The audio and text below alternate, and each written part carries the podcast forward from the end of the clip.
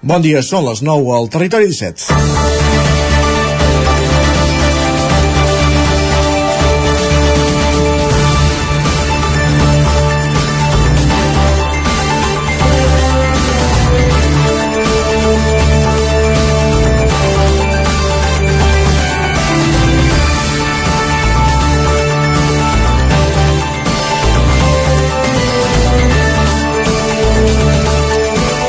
Era la crònica d'una mort anunciada. L'Ajuntament de Vic ha iniciat els tràmits per recuperar la concessió del mercat municipals 7 anys abans que finalitzi el contracte tal com avança avui el 9-9. Enterrats els diversos projectes que es van presentar per reformar l'actual equipament per falta d'acord entre els paradistes i l'Ajuntament, l'única sortida que s'albirava era un tancament precipitat. El procés per recuperar la concessió pot ser llarg, però el cert és que alguns paradistes ja han posat data a la finalització del seu negoci al mercat municipal de Vic. Cal que tothom faci autocrítica per haver arribat a una situació com l'actual. És cert que els mercats municipals ja no són els que eren fa uns anys, però sí que des de Vic s'havia perdut l'oportunitat de reformar-lo i posar-lo al dia, com sí que han fet ciutats properes com Manlleu o Olot, que sovint es posen com a exemple. La situació actual del mercat no és la que ningú desitja i la reforma d'aquest serà segurament un dels grans reptes que haurà d'entomar el nou consistori que es constituirà el proper 17 de juny. Aquest darrer mandat ha estat de, de tràmit perquè la pandèmia ho va aturar tot i el mercat municipal i els professionals que hi treballaven van fer una gran feina aixecant les persianes durant els moments més durs els problemes s'arrosseguen d'abans, quan no hi va haver els, el lideratge necessari per entomar el problema i tirar endavant una reforma en el moment que tocava. No serà difícil que el nou Ajuntament trobi el consens necessari per impulsar un nou mercat municipal, perquè tots els grups polítics, fins i tot Junts per Catalunya, que en la campanya electoral del 2019 anava contracorrent, ara ja tenia clar que havia d'apostar per la reforma. S'ha de fer, però, un mercat municipal adequat pels temps que vivim. En un moment d'esclat del comerç electrònic i de sobreoferta de grans superfícies, cal reorientar el paper dels mercats municipals en els centres de les ciutats i cal també donar suport als actuals paradistes, reconèixer la feina que han fet fins ara, posar totes les facilitats perquè puguin continuar amb la seva fe i posar totes les facilitats perquè puguin continuar amb la seva feina. Tots els grups municipals del nou Ajuntament de Vic han de començar a treballar des d'ara per tenir un mercat municipal de primera divisió, com més aviat millor. Territori 17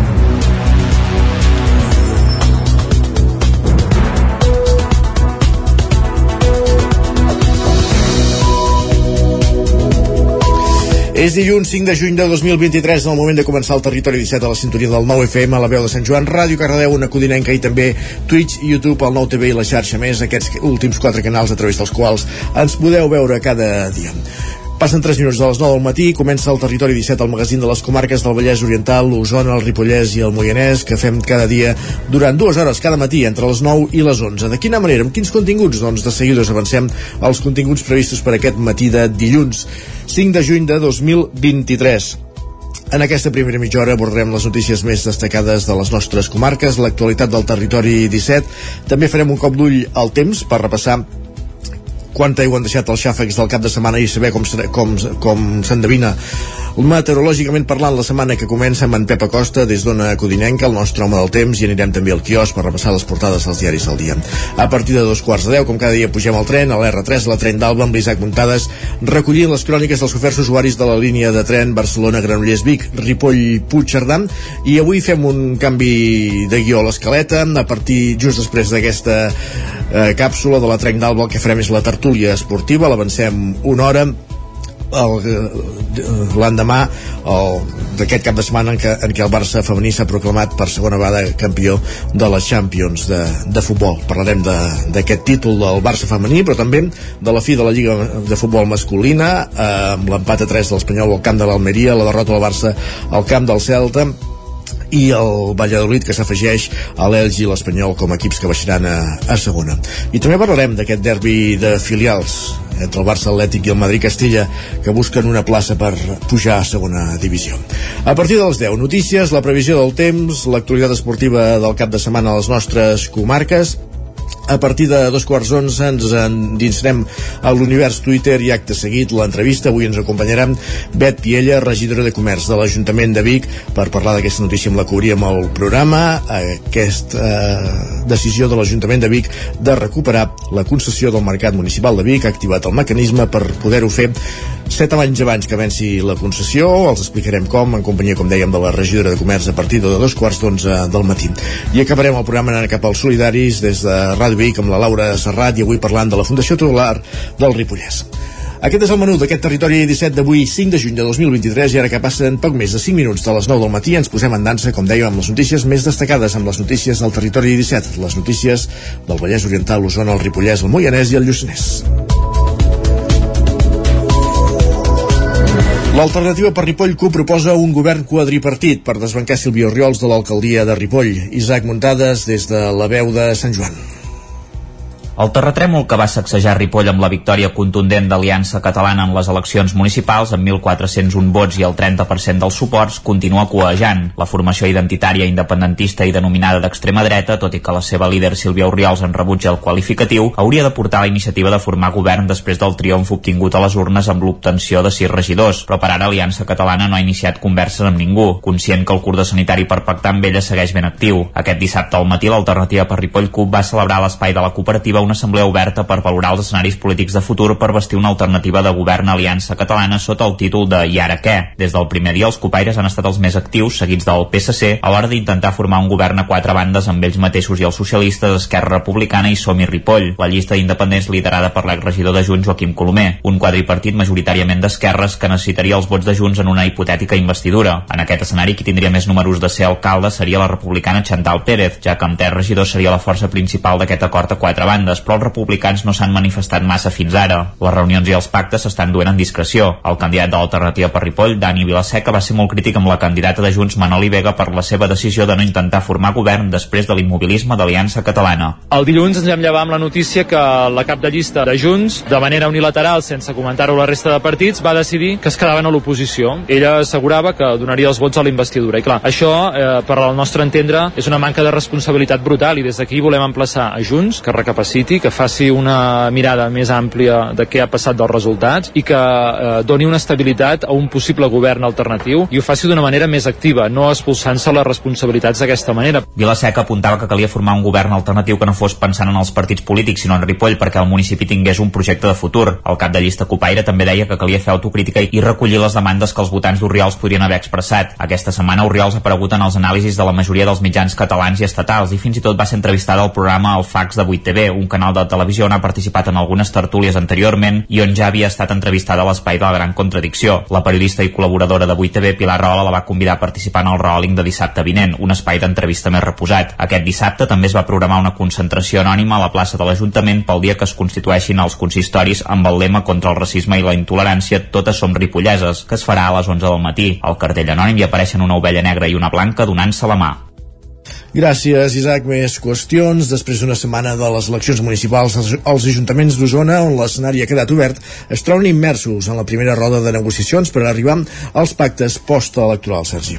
Les primeres trucades de l'escenari postelectoral, Albert Castells, guanyador de les eleccions a Vic com a candidat de Junts per Catalunya, les va fer diumenge mateix, un cop va finalitzar oficialment el recompte de vots.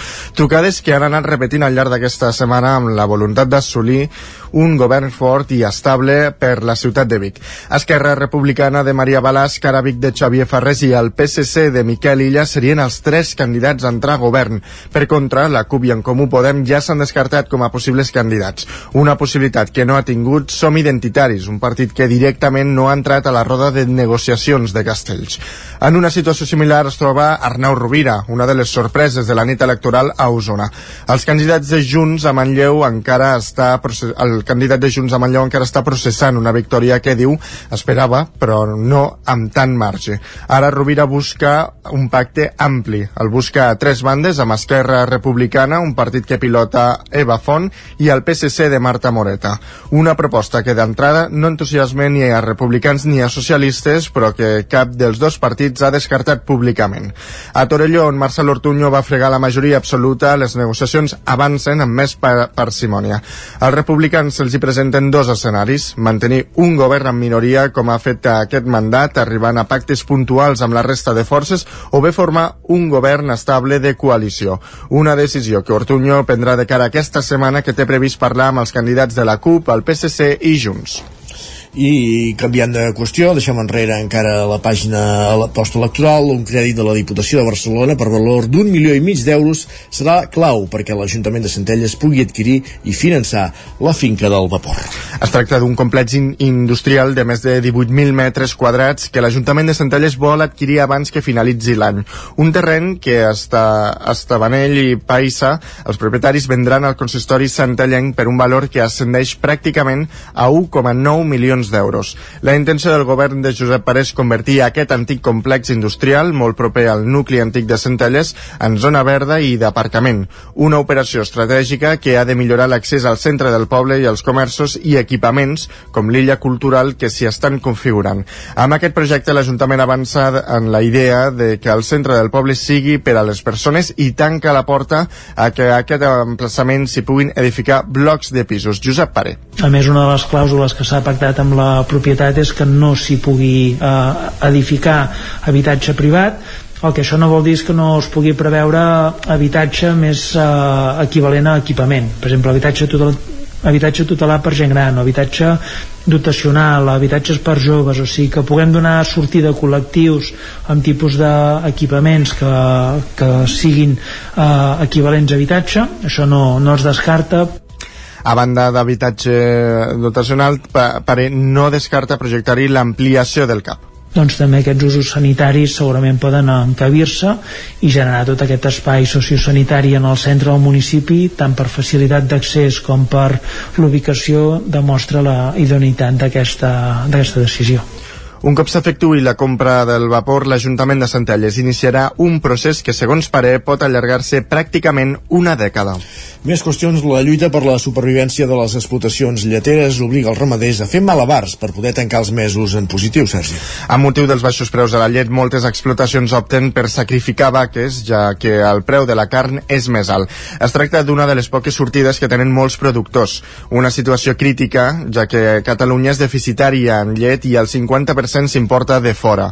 El que ara pot ser una solució a llarg termini es pot acabar convertint en una situació encara més complicada d'aquí un temps. De fet, el cens de vaques lleteres a Catalunya ha baixat un 1,6% des de principis d'any.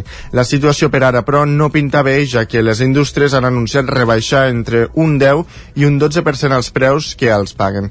Les petites explotacions tornen a situar-se, doncs, en una posició de vulnerabilitat. Abel Peraires, de l'explotació del Soler de Nuc de Prats de Lluçanès. El animals l'únic que et porta és ara en aquests moments que la carn té un valor relativament alt portar ingressos instantanis per tapar el mes. Però aquesta vaca no et produeix llet i no et farà cap filla perquè poder-la munyir d'aquí dos anys. Per tant a curt termini pot ser una solució però a llarg eh, ens omplim la boca de sobirania, sobirania alimentària i no ens en sortirem. En el sector de la llet no ens en sortirem. Per Aire explica quina és la clau de tot plegat Bé, la clau és que es pagui per sobre del preu de cost, el problema és el càlcul d'aquest preu de cost. Com es calcula, qui el calcula i per què el calcula. I llavors la llei de la cadena alimentària ens hauria de defensar però està feta a semblança de les grans corporacions que, que al cap i a la fi són els que venen el producte final eh, al consumidor i això ens està costant molt poder travessar aquesta barrera. Tot això se suma a la denúncia que va fer Unió de Pagesos el passat 3 de maig del presumpte pacte de preus de la llet de marca blanca per part de Mercadona, Bonpreu i Lidl. Més qüestions desmantellen un grup de lladres que robava ordinadors a empreses del Vallès Oriental i accedien quan estaven obertes, però fora de l'horari d'atenció al públic i s'enduien els aparells al seu abast. Pol Grau, Ràdio Televisió, Cardedeu. Els Mossos d'Esquadra han desmantellat un grup de lladres que robaven ordinadors d'empreses d'arreu de l'àrea metropolitana de Barcelona i especialment al Vallès Oriental. Les detencions de quatre persones es van produir els dies 25, 26 i 29 de maig i es va desmantellar el grup que havia robat 251 ordinadors. La banda estava formada per unes 10 persones amb diferents funcions i tasques cadascuna d'elles. Entraven a les empreses a la tarda i robaven els aparells al seu abast. Normalment hi accedien quan estaven obertes, però fora del seu horari d'atenció al públic – per ara, els Mossos adjudiquen fins a 34 robatoris. A més dels ordinadors, van robar diners en efectius i altres aparells d'electrònica, amb un valor que ascendeix a més de 200.000 euros, sense comptar els danys ocasionats en els robatoris. Els robatoris es van fer empreses de Granollers, Sant Celoni, la Garriga, l'Atmeia del Vallès, Llinars del Vallès, Caldes de Montbui, la Roca, Mollet i Parets del Vallès. Les funcions dels membres del grup de criminal estaven perfectament delimitades en quatre tasques. Aconseguidors de vehicles de lloguer, conductors, vigilants i executors dels robatoris. Els agents van escorcollar un domicili de Barcelona i van detenir dos dels membres, a més d'intervenir objectes amb els quals combatien els robatoris. Dies després es van detenir dos més. La investigació no es dona per finalitzada i no es descarta que hi puguin haver noves detencions.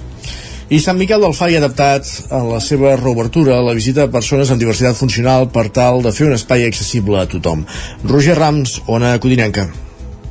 En la reobertura de l'espai de Sant Miquel del Fai, la Diputació de Barcelona, nova propietària, ha fet una aposta clara per convertir aquest paratge natural en un lloc accessible per a totes les persones i és per això que s'han fet una sèrie d'actuacions en matèria d'accessibilitat.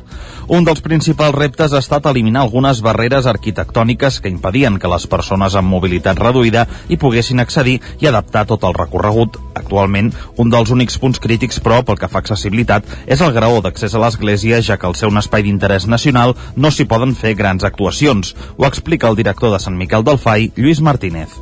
La voluntat és que sigui un lloc de visita total, totalment accessible. I l'accessibilitat en tots els sentits, tenint la mobilitat eh, per tot l'espai natural com per l'accés la, a la informació. De moment que tenim, permetem l'arribada en vehicle amb les persones amb, amb dificultats de mobilitat, de mobilitat reduïda, eh, que puguin accedir fins a la porta del, del, del priorat. Dintre del recinte, doncs pràcticament tot el, tot el recorregut és eh, accessible. Eh, només tenim un punt ara en aquest moment en el qual hem de, de mirar de trobar la, alguna solució que no sigui impactant eh, per l'entorn patrimonial, que és el, la rampa que hi ha davant de l'església.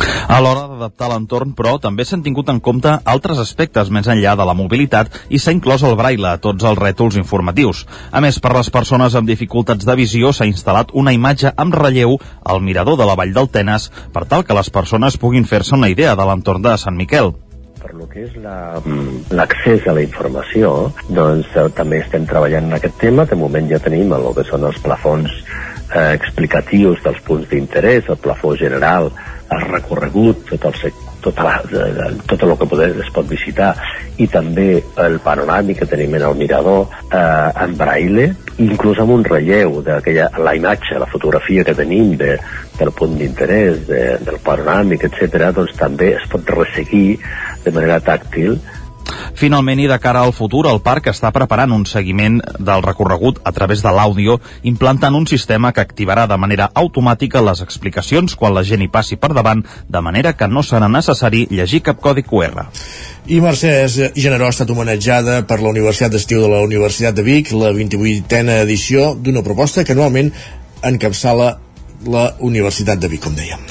Va ser el rector de la Universitat de Vic, Josep Aladí Banyos, qui en un acte que va tenir lloc dijous a la sala de la columna de l'Ajuntament de Vic li feia entrega del diploma de reconeixement a la seva tasca al capdavant d'Osonament, institució que acompanya i assisteix les persones amb malalties mentals o d'addiccions. En ells va centrar el seu Parlament quan va agrair el premi. Vull fer un agraïment sincer a la Universitat de Vic, Universitat Central de Catalunya, per aquest reconeixement, que tot i que s'ha enfocat a la meva persona, penso i no puc entendre de cap altra manera, que és per tota la comunitat d'Osonament, i que fan possible que el model Osona Salut Mental sigui un referent de país. Però ho fem recordant la història per viure sempre el present i construint el futur. L'individualisme no construeix comunitat, L'acte el va cloure el primer tinent d'alcalde de l'Ajuntament de Vic, Josep Arimany, en el qual va ser la seva última compareixença com a regidor. Va dedicar també unes paraules a Genero. Ets una dona molt valenta, en compromís de país i de territori, a Osona podem tenir sort de tenir una Mercè Generó, amb gran responsabilitat, solidària, emprenedora i amb el suport a les persones que poden tenir una malaltia mental o addiccions i a les seves famílies. No ens oblidem d'això, que les famílies estan al darrere. Amb aquest acte es va donar per inaugurada la Universitat d'Estiu. Demà dimarts ja tindrà lloc un dels primers esdeveniments. Es tracta de la jornada Growth per al creixement humà i transversal de les empreses, en el qual els ponents explicaran el paranim de la UBIC accions disruptives per créixer i fer créixer les empreses. Acabem aquí aquest repàs informatiu que començàvem al punt de les 9 en companyia de Sergi Vives, Isaac Muntades, Pol Grau i Roger Rams. És moment al territori 17 de saludar també el nostre home del temps, en Pep Acosta.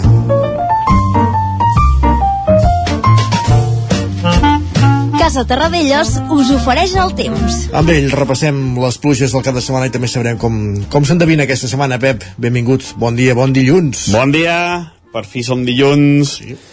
Uh, ja tota la setmana uh, aquesta setmana ja tota centrada en el mes de juny, uh, una de les setmanes amb més llum natural de l'any, a tota la gent que li agrada això de que ben d'hora ja sortir el sol i, i fins ben tard hi ha llum solar. Estan d'enhorabona i gaudiu d'aquestes setmanes eh? perquè ben aviat el dia es començarà a escurçar. Però de moment encara no, de moment encara es va allargant el dia ens anem acostant a l'estiu. Eh, són les últimes setmanes ja de primavera. Eh, que bueno, l'estiu oficial comença cap al 21 de juny però uh, l'estiu meteorològic jo sempre dic que ja són ja és juny, juliol i agost eh? per tant um, podríem dir que ja ens trobem un estiu meteorològic. I no parem amb aquesta com diria amb aquest, amb aquest temps amb aquestes uh, amb aquestes característiques de temps amb aquestes precipitacions a les tardes uh, sol al matí uh, fresca de, de nit suavitat al, suavitat al migdia eh, fa molts dies que s'hem instal·lat en aquesta espiral a temps i de moment no va canviant. Aquest cap de setmana hem tingut força sols matins com deia eh, més dies càlids però ben, eh, ben aviat al migdia cap a les 12 o 1 ja han començat a créixer nuvolades i han anat deixant precipitacions eh, dissabte tempestes, ahir també eh, són tempestes molt irregulars eh, descarreguen a algun lloc eh, a pocs quilòmetres gairebé ni una gota. Ahir per exemple al meu poble menys de 30 litres eh, a Cals que està a 5 quilòmetres només 5 o 6 litres eh, vull, dir, vull dir són tempestes molt locals eh, però bueno eh, està bé que vagin acumulant litres a diverses poblacions. Eh, anem sumant, anem sumant i això és molt, molt important. I avui eh, serà un dia gairebé calcat el, el, el, de, el de dissabte i el diumenge. Ens llevem unes temperatures eh, suaus eh, només baixem per sota dels 10 graus a les, a les, a les zones de muntanya del Pirineu a moltes zones entre els 10 i els 15 fins i tot el peritoral per sobre dels 15 graus. Mm, eh, pocs núvols ara mateix però ja veureu com molt de pressa creixen les nuvolades cap a les 11-12 ja tornaran a créixer i a la 1-2 les primeres tempestes eh, super difícils de predir. No sé on plourà més, no sé on plourà menys. Eh, pot ploure a totes les comarques a totes les poblacions. Eh, però hi haurà poblacions que cauran 4 gotes hi haurà poblacions que cauran més de 30-40 litres. Eh, és super difícil de predir aquestes situacions de tempestes de, de primavera. Mm, per tant és molt molt complicat. No són com les tempestes d'estiu. Les tempestes d'estiu les típiques tempestes d'estiu d'aquelles de, de calor eh, que es formen entre 5, 6, 7 de la tarda aquestes no, eh? les que tenim ara és que tenim molt aire fred, tenim aquesta inestabilitat degut a aquest anticicló del nord d'Europa i això fa que tinguem ja tempestes de cara a migdia, que a l'estiu és, és, és molt inusual que hi hagi tempestes d'hora, són més cap a la tarda, cap a la nit, uh, i per tant uh, és això, és aquest tant aire fred que tenim, aquestes característiques d'aquest anticicló que bloqueja les perturbacions atlàntiques i les fa anar més cap al sud, i per tant tenim aquesta, aquesta situació de tempestes uh, ben d'hora. Adeu! Gràcies, Pep. Parlem d'aquí una estona i que hem d'avançar com serà la, la setmana. Casa Tarradellas us ha ofert aquest espai. I és moment ara al territori 17 d'anar cap al quiosc per saber quines són les portades dels diaris del dia. És dilluns, per tant, Sergi, comencem per les portades del 9-9. Comencem per la del 9-9, d'Osona, Ripollès i Lluçanès. Com dèiem al principi, ens expliquen que Vic inicia els tràmits per recuperar la concessió del mercat municipal expliquen que algunes parades anuncien que baixaran la persiana durant els, les properes setmanes.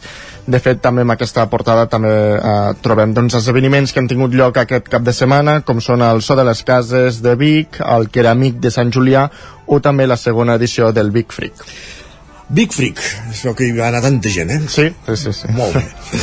Més qüestions, el Vallès Oriental. Doncs mira, ens diuen que el Tritó del Montseny aplega fons europeus nous per a la seva supervivència. Expliquen que s'aixecaran tres fons nous al Parc Natural per donar continuïtat a l'hàbitat de l'amfibi. I per altra banda ens diuen que el públic torna a apostar per la Fórmula 1. Eh, expliquen que Verstappen guanya per tercer cop a Montmeló davant de més de 125.000 aficionats. Doncs aquest cap de setmana que hi havia Gran Premi al circuit de Barcelona, Catalunya, al circuit de, de Montmeló, al Vallès Oriental. Més qüestions, anem a les portades dels diaris que s'editen a Barcelona. Doncs comencem ara pel punt avui, que encapça la portada amb el titular Botigues amb història. Expliquen que Barcelona té 200 comerços catalogats com a emblemàtics. Diu que formar part de la llista és una distinció i on hi ha més és a Ciutat Vella. El periòdico amb el titular als peus de les campiones explica que les jugadores del Barça reben un bany de masses a la plaça de Sant Jaume després de conquerir la segona Champions. La Vanguardia diu que els preus del gas, la llum i la gasolina tornen al nivell anterior a la guerra. Expliquen que Espanya consolida el seu nou paper com a subministrador estratègic d'energia a la resta d'Europa gràcies al GNL i les renovables. Lara diu que experts i usuaris reclamen el retorn dels trens nocturns. Expliquen que la prohibició dels vols curts a França reobre el debat sobre uns serveis que s'han anat tancant. Afegeixen que viatjar de nit en tren entre capitals europees restaria passatgers a l'avió i reduiria les emissions de diòxid de carboni. I en premsa espanyola el país diu que un lli una llista conjunta de Sumar i Podem allunyaria del govern al PP i Vox. Expliquen que la dreta i l'ultradreta tindrien majoria absoluta si l'esquerra estigués dividida. I ja acabem amb l'ABC, que diu que Sánchez encoratja que diputats alemanys examinin Doñana. Expliquen que el govern justifica el boicot alemany a la maduixa de Huelva i culpa el president andalús d'un ús abusiu de l'aigua del Parc Nacional. La maduixa de Huelva. Molt bé, ah, la gran preocupació. Perfecte. Uh, anem a repassar ràpidament digitals. Doncs mira, el 99 Osona Ripollès Lluçanès ens expliquen que Ripoll inaugura l'espai Alexis Sola. I a l'edició del Vallès Oriental? Doncs que hi ha ferida, ferida crítica a la conductora d'un patinet en una topada contra un cotxe a Granollers. Doncs són notícies que podem llegir, com dèiem, primer al quiosc i després als digitals. Gràcies, Sergi. A tu. I ara el que fem al Territori 17 és una petita pausa, 3 minuts i tornem. El nou FM, la ràdio de casa, al 92.8 torna la Fira de la Ratafia de Centelles. El 10 i 11 de juny vine a descobrir tots els secrets d'aquesta beguda mil·lenària. Hi trobaràs parades per conèixer tots els tipus, xerrades, exposicions, tallers pràctics per fer la teva pròpia ratafia, remeis casolans i coneixerem el guanyador del 14è concurs de ratafies casolanes de Centelles. El 10 i l'11 de juny tens una cita amb la ratafia a Centelles. Quan tingui un problema amb la seva caldera, vagi directament a la solució. Truqui sempre al servei tècnic oficial de Saunier Duval i despreocupis, perquè som fabricants i coneixem les nostres calderes peça a peça. I ara aconseguiu fins a 250 euros en canviar la caldera. Informeu-vos al 910 77 10 50 o a saunierduval.es. Davant l'escassetat hídrica, fem un consum responsable de l'aigua, perquè cada gota que estalviem serà una gota més per al planeta. No et quedis sec. Tanca l'aixeta. Akbar amb tu.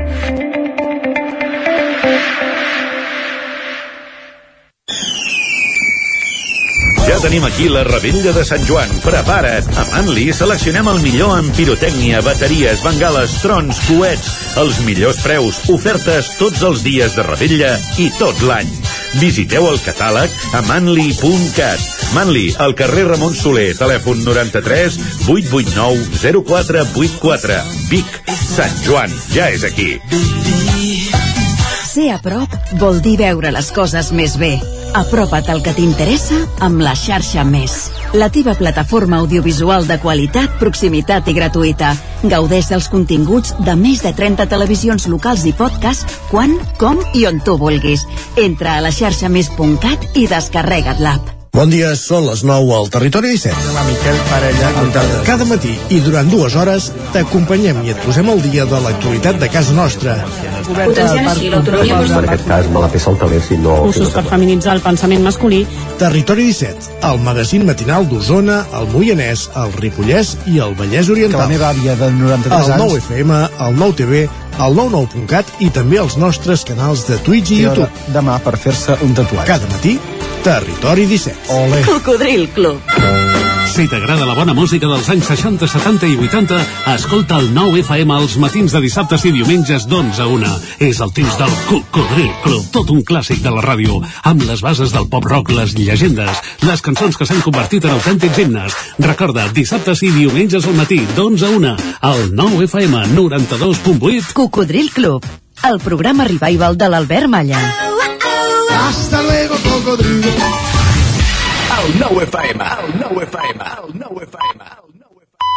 Territori 17.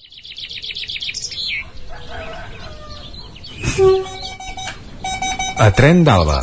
Cada dia els usuaris i usuàries de la línia R3 de Rodalies que veuen sortir el sol des d'un vagó ens expliquen les gràcies i les penes del primer comboi que uneix Ripoll i Barcelona o les feixugues jornades amb el tren després de treballar.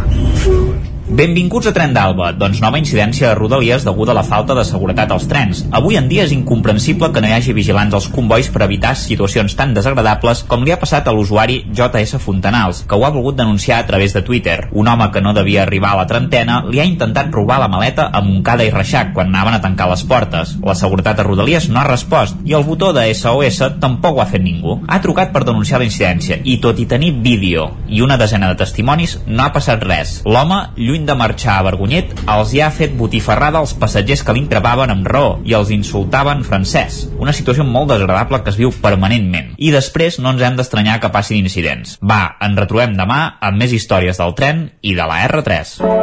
Territori 17, el 9 FM, la veu de Sant Joan, Ona Codinenca, Ràdio Cardedeu, Territori 17.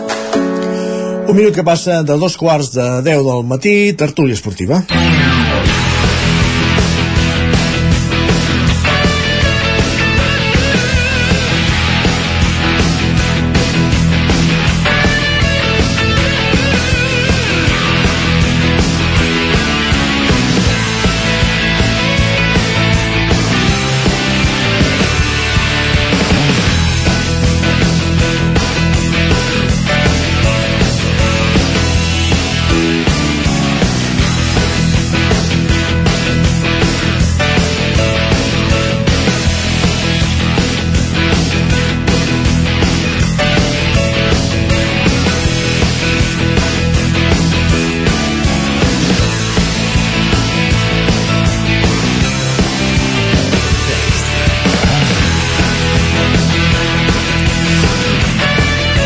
Doncs tertúlia esportiva ja us hem eh, avisat, anunciat al principi del programa que avui l'avançàvem una hora, la fem just ara després de, de la tren d'Alba per repassar doncs, diverses qüestions que han, tingut, que han passat aquest cap de setmana en l'àmbit de l'esport eh, més general. Ens acompanyen en aquesta tertúlia avui un matí més en Lluís de Planell, als estudis del 9FM. De seguida s'hi incorporarà també l'Agustí Danés. Benvingut, Lluís, bon dia. Bon dia, gràcies. L'Isaac Muntades des de la veu de Sant Joan. Bon dia, Isaac. Bon dia i també en Pol Grau als estudis de Ràdio Televisió Cardedeu Bon dia Bon dia Benvinguts tots tres. Comencem per repassar diverses qüestions del cap de setmana. La més transcendental. El Barça guanya la Champions femenina. Uh, no sé si algú va veure aquest partit en què la primera part es va posar complicat eh, el Wolfsburg guanyava 0-2 però les jugadores blaugrana van capgirar la, la final eh, a la segona part i van acabar guanyant aquest títol 3 a 2 sense necessitat de, de pròrroga ni, ni res, amb solvència i la segona Champions del Barça femení al sac. Agustí, no?, que és del Barça. Ah. Sí. Mm. No, no sé, ni, ni ells el valoren, això. Una... No, jo vaig mirar el partit, eh, però un potser l'Agustí no el va mirar, eh, no ho una, sé, eh. Una, un altre títol, era, era bastant clar aquest no. equip a la, la Lliga Domèstica, diguem que no deu haver concedit ni un punt, no?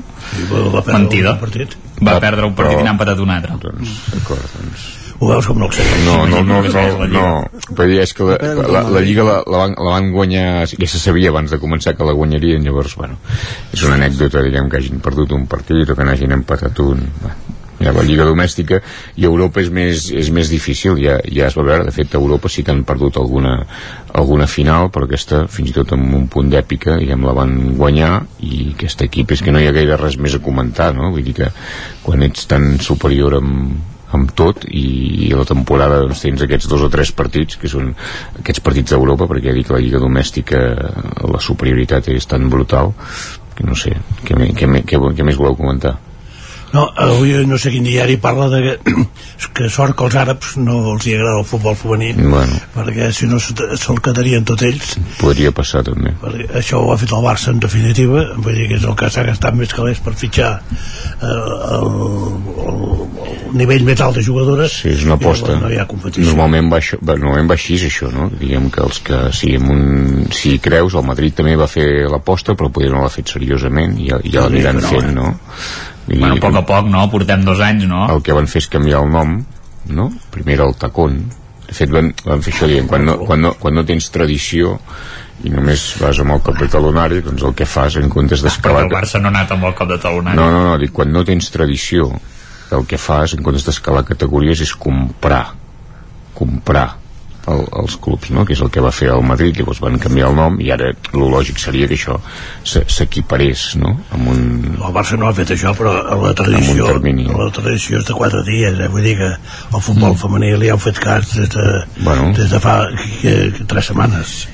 Exacte. 10 anys, no? No, no sé pas si arriba tant, no sé. Eh, jo diria que fa 10 anys encara guanyàvem nosaltres. Pues que fa pocs anys eh, no hi devia haver ni, ni, ni amb una competició clar, mi, clar, mi, mi, si mínimament, mínimament, mínimament professionalitzada. Si no, si no competia el Barça no, no hi havia una competició res. mínimament professionalitzada, diguem, els esports amateurs, el Barça ja en té també de seccions amateurs, no? Però això fins que es professionalitza, que de fet hi va haver fins i tot unes protestes no, de les jugadores per reclamar uns salaris, que hi hagués uns mínims salarials, clar, és en aquest moment quan això comença en sèrio. L'altre és, bueno, passar l'estona. No?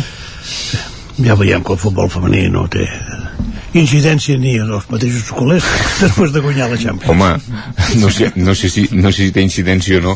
El fet és que hi deu haver pocs clubs no a Espanya al món que en un partit de futbol femení col·loquin més de 90.000 persones de manera reiterada en un estadi. Per tant, que interessi o no aquest diguem seria un termòmetre que potser indicaria que un, que un cert interès sí que hi és perquè això ha passat no un dia, diversos dies a l'estadi, no, no, no, el jo, no el Johan Cruyff, a l'estadi.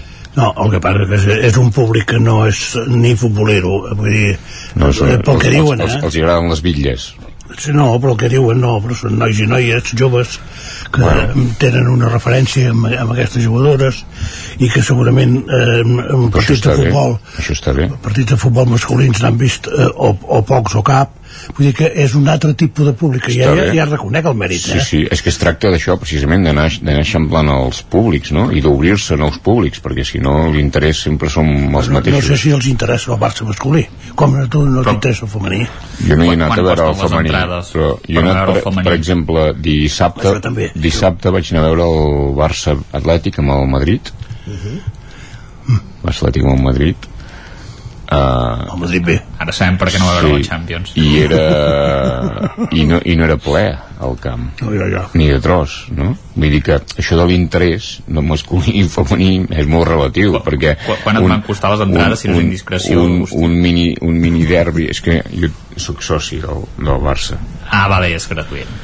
I Bueno, perquè aquesta és l'altra història. És, aviam, el futbol femení... Va, no, només diguem, va, va guanyar el Barça 4-2, no, sé, no sé què passarà la, i, i, cap, i, i dels 20 i pico que van jugar perquè hi va haver canvis, no sé si pel primer equip dels dos equips, eh, dic, tant del Barça com del Madrid, no sé si se n'aprofiten gaires, diria que no, de cap dels dos equips, però tot i així, bueno, contra el Madrid 4-2, no, bueno, no, però hi ha un partit de tornada, no? No, no, no està, però ja està acabat el, no, ja està acabat no, el no, ja dic, després això, efectivament hi ha un partit ah. de tornada i, i es pot i, i de cap dels de cap dels, de cap dels equips no se n'aprofita no se n'aprofiten gaire, gaire cap vull dir que les categories hi són per alguna cosa i però vull dir que tampoc era ple vull dir que això de l'interès no? ni masculí i femení és molt relatiu. De totes maneres eh, comencem a parlar de, de, de coses eh, serioses.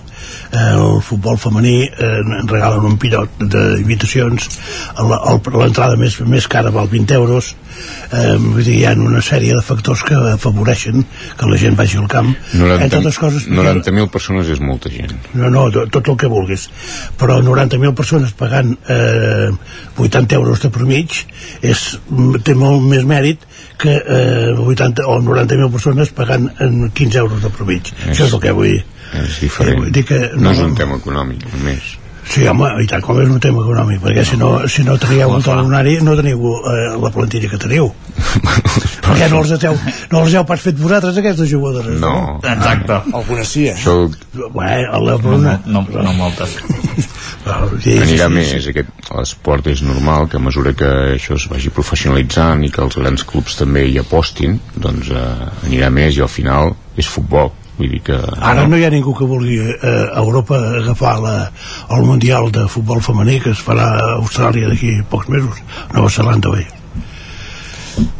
Vull dir que... Veurem, de moment anem, anem comptant títols i, bueno, i aquesta Champions està ben guanyada, ja dic, i, i, i a part la- l'anterior amb qui va ser? Va ser amb el, amb el Chelsea, l'anterior que vam guanyar, que va Ah, ser un que vam guanyar en 20 minuts, vam, vam resoldre el partit, no?, d'una manera aquesta vegada més hi ha aquest punt d'èpica que això sempre ajuda, diguem, a fer-ho, no? Si tens aquest punt d'emoció, doncs sempre enganxa una mica més. Vas veure el partit, dius, Isaac.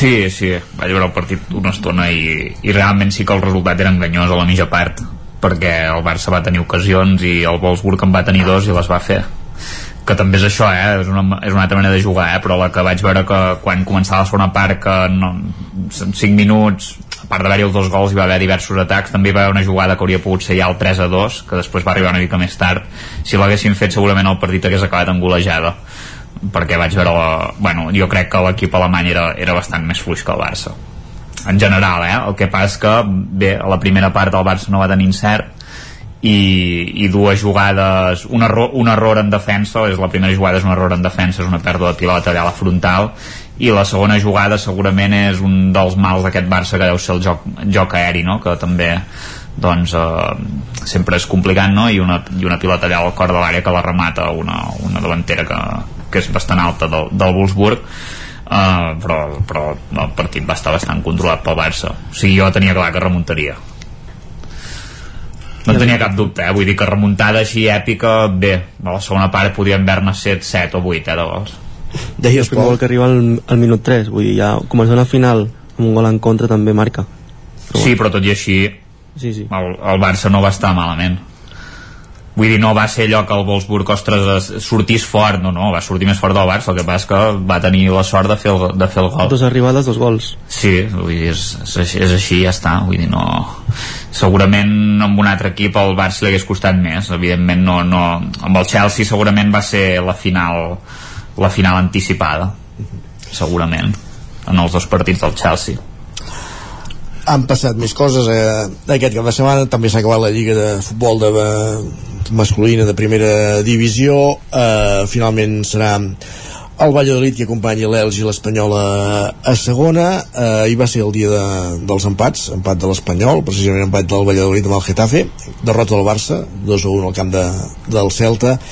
Eh, ja n'hem anat parlant prou força al llarg d'aquestes setmanes de- d'aquesta lliga, però vaja, el que faltava per resoldre, aquest descens del Valladolid, i que el Girona finalment eh, ha fet cas en Lluís de Planell i no s'ha classificat per la conferència. Què?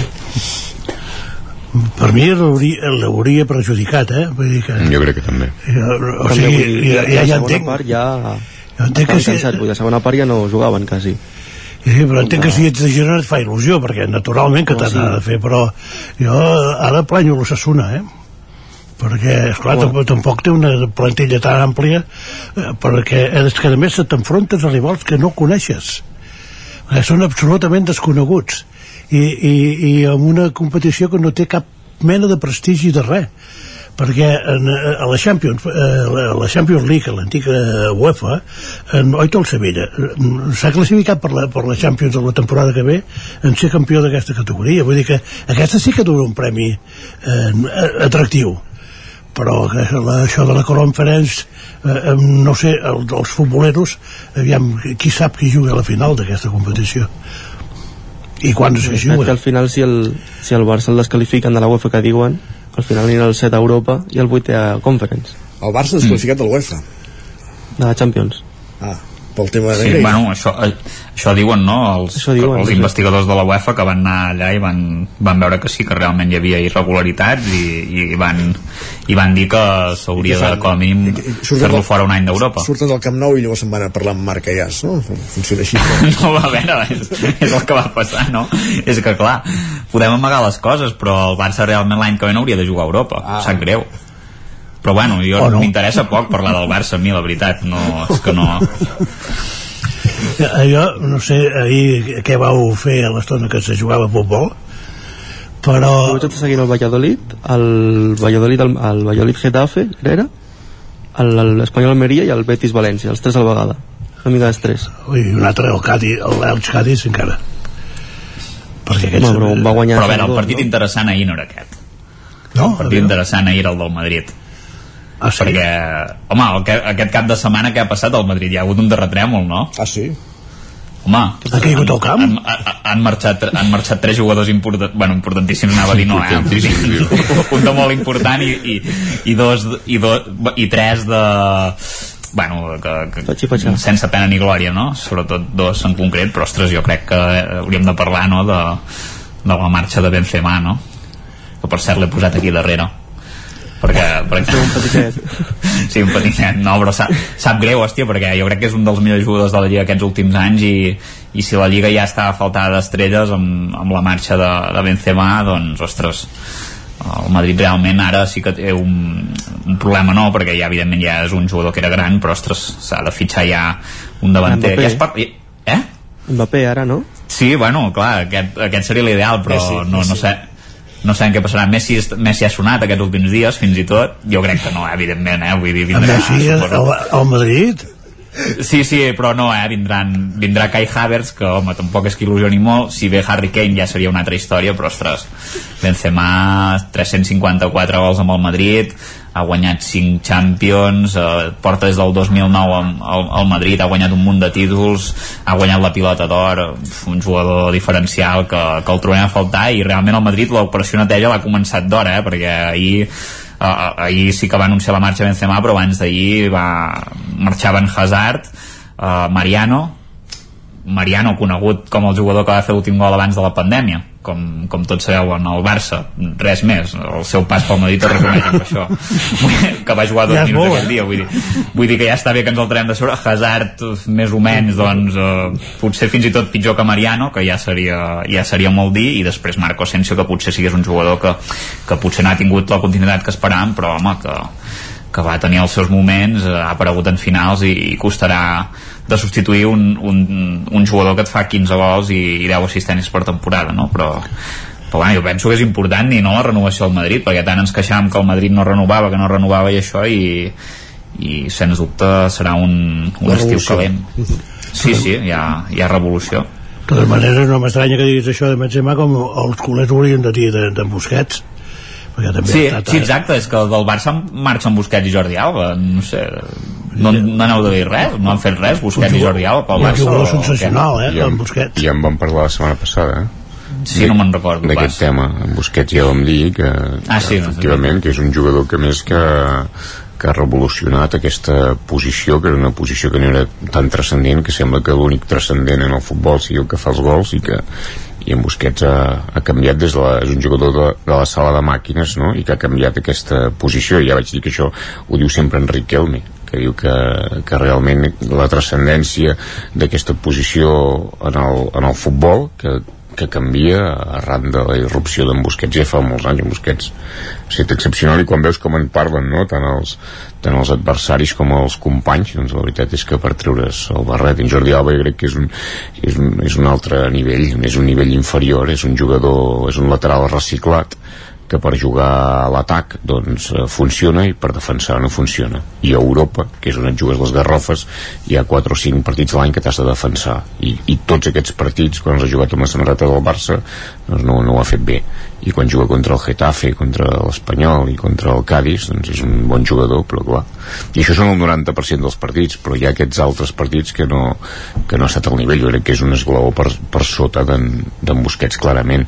I en Benzema crec que és un, un molt bon jugador però discrepo de que sigui eh, un jugador molt transcendent jo crec que és un complement que es va veure en, en quan va, va viure a l'ombra d'en Cristiano Ronaldo fent-ho bé i que quan, ha, quan no hi ha hagut en Cristiano Ronaldo ell ha crescut, és un jugador que fa més bons en els altres perquè té molts recursos i és més futbolista que golejador la qual cosa, eh, això en un joc d'equip eh, s'agraeix però també no crec, no crec que sigui un, un top d'aquests dels, dels top del futbol com poden ser en aquests últims anys en Messi i en Cristiano i ara l'Mbappé o en Haaland.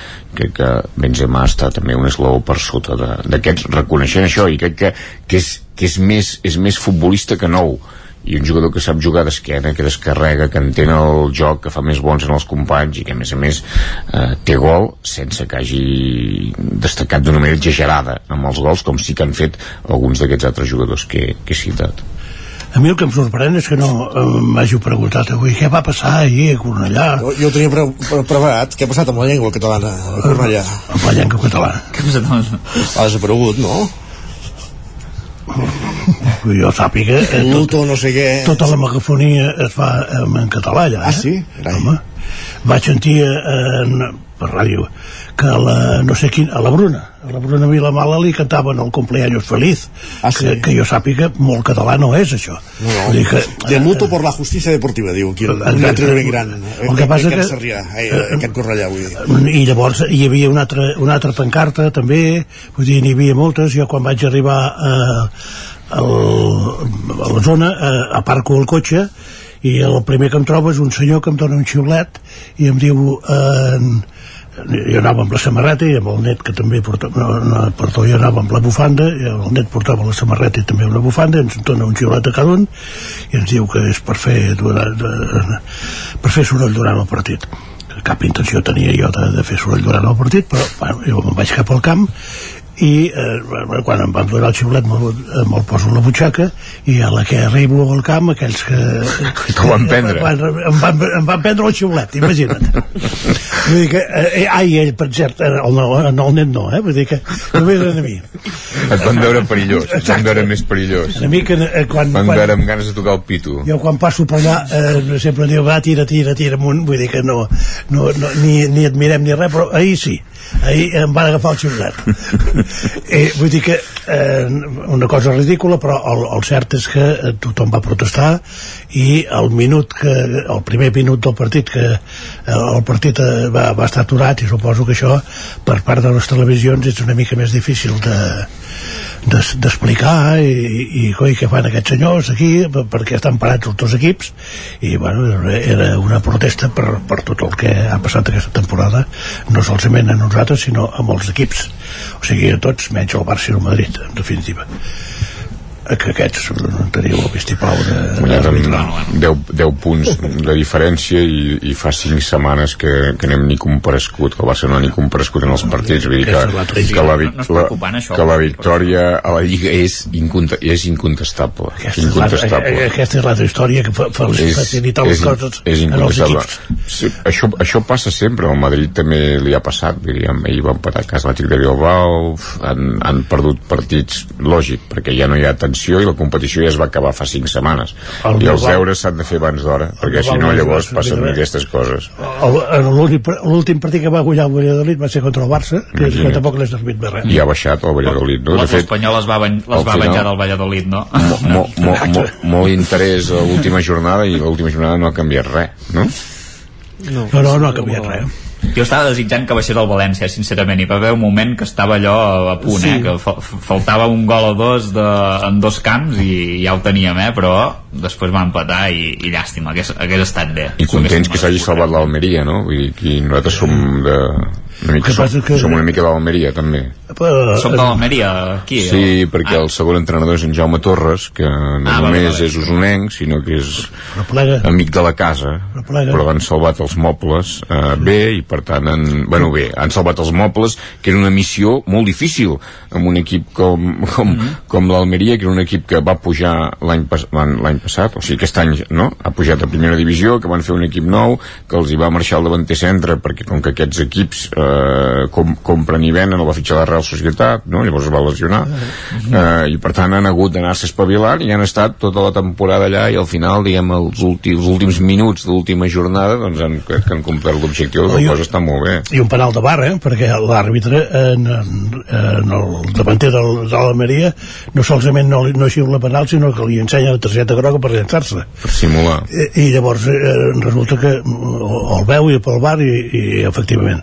Jo em, vaig alegrar que no baixés l'Almeria per, per en Rubi per en Jaume Torres però eh, jo el, el que eh, pensava després quan, quan tornes eh, com els dos partits de València del València, o contra el València de, eh, donen la caricatura del que ha estat la temporada per l'Espanyol. Minut 94 del partit jugat a Cornellà al Prat una pilota eh, bombejada el porter de l'Espanyol es pensa que, que va fora eh, no, no sé com s'ho fa però a dintre l'Espanyol guanyava 2-1 i empata 2-2 errada pròpia, errada defensiva no solament del porter, sinó errades en defensa hi han hagut tota la temporada. Penso que som dels, dels equips que ens han fet més gols.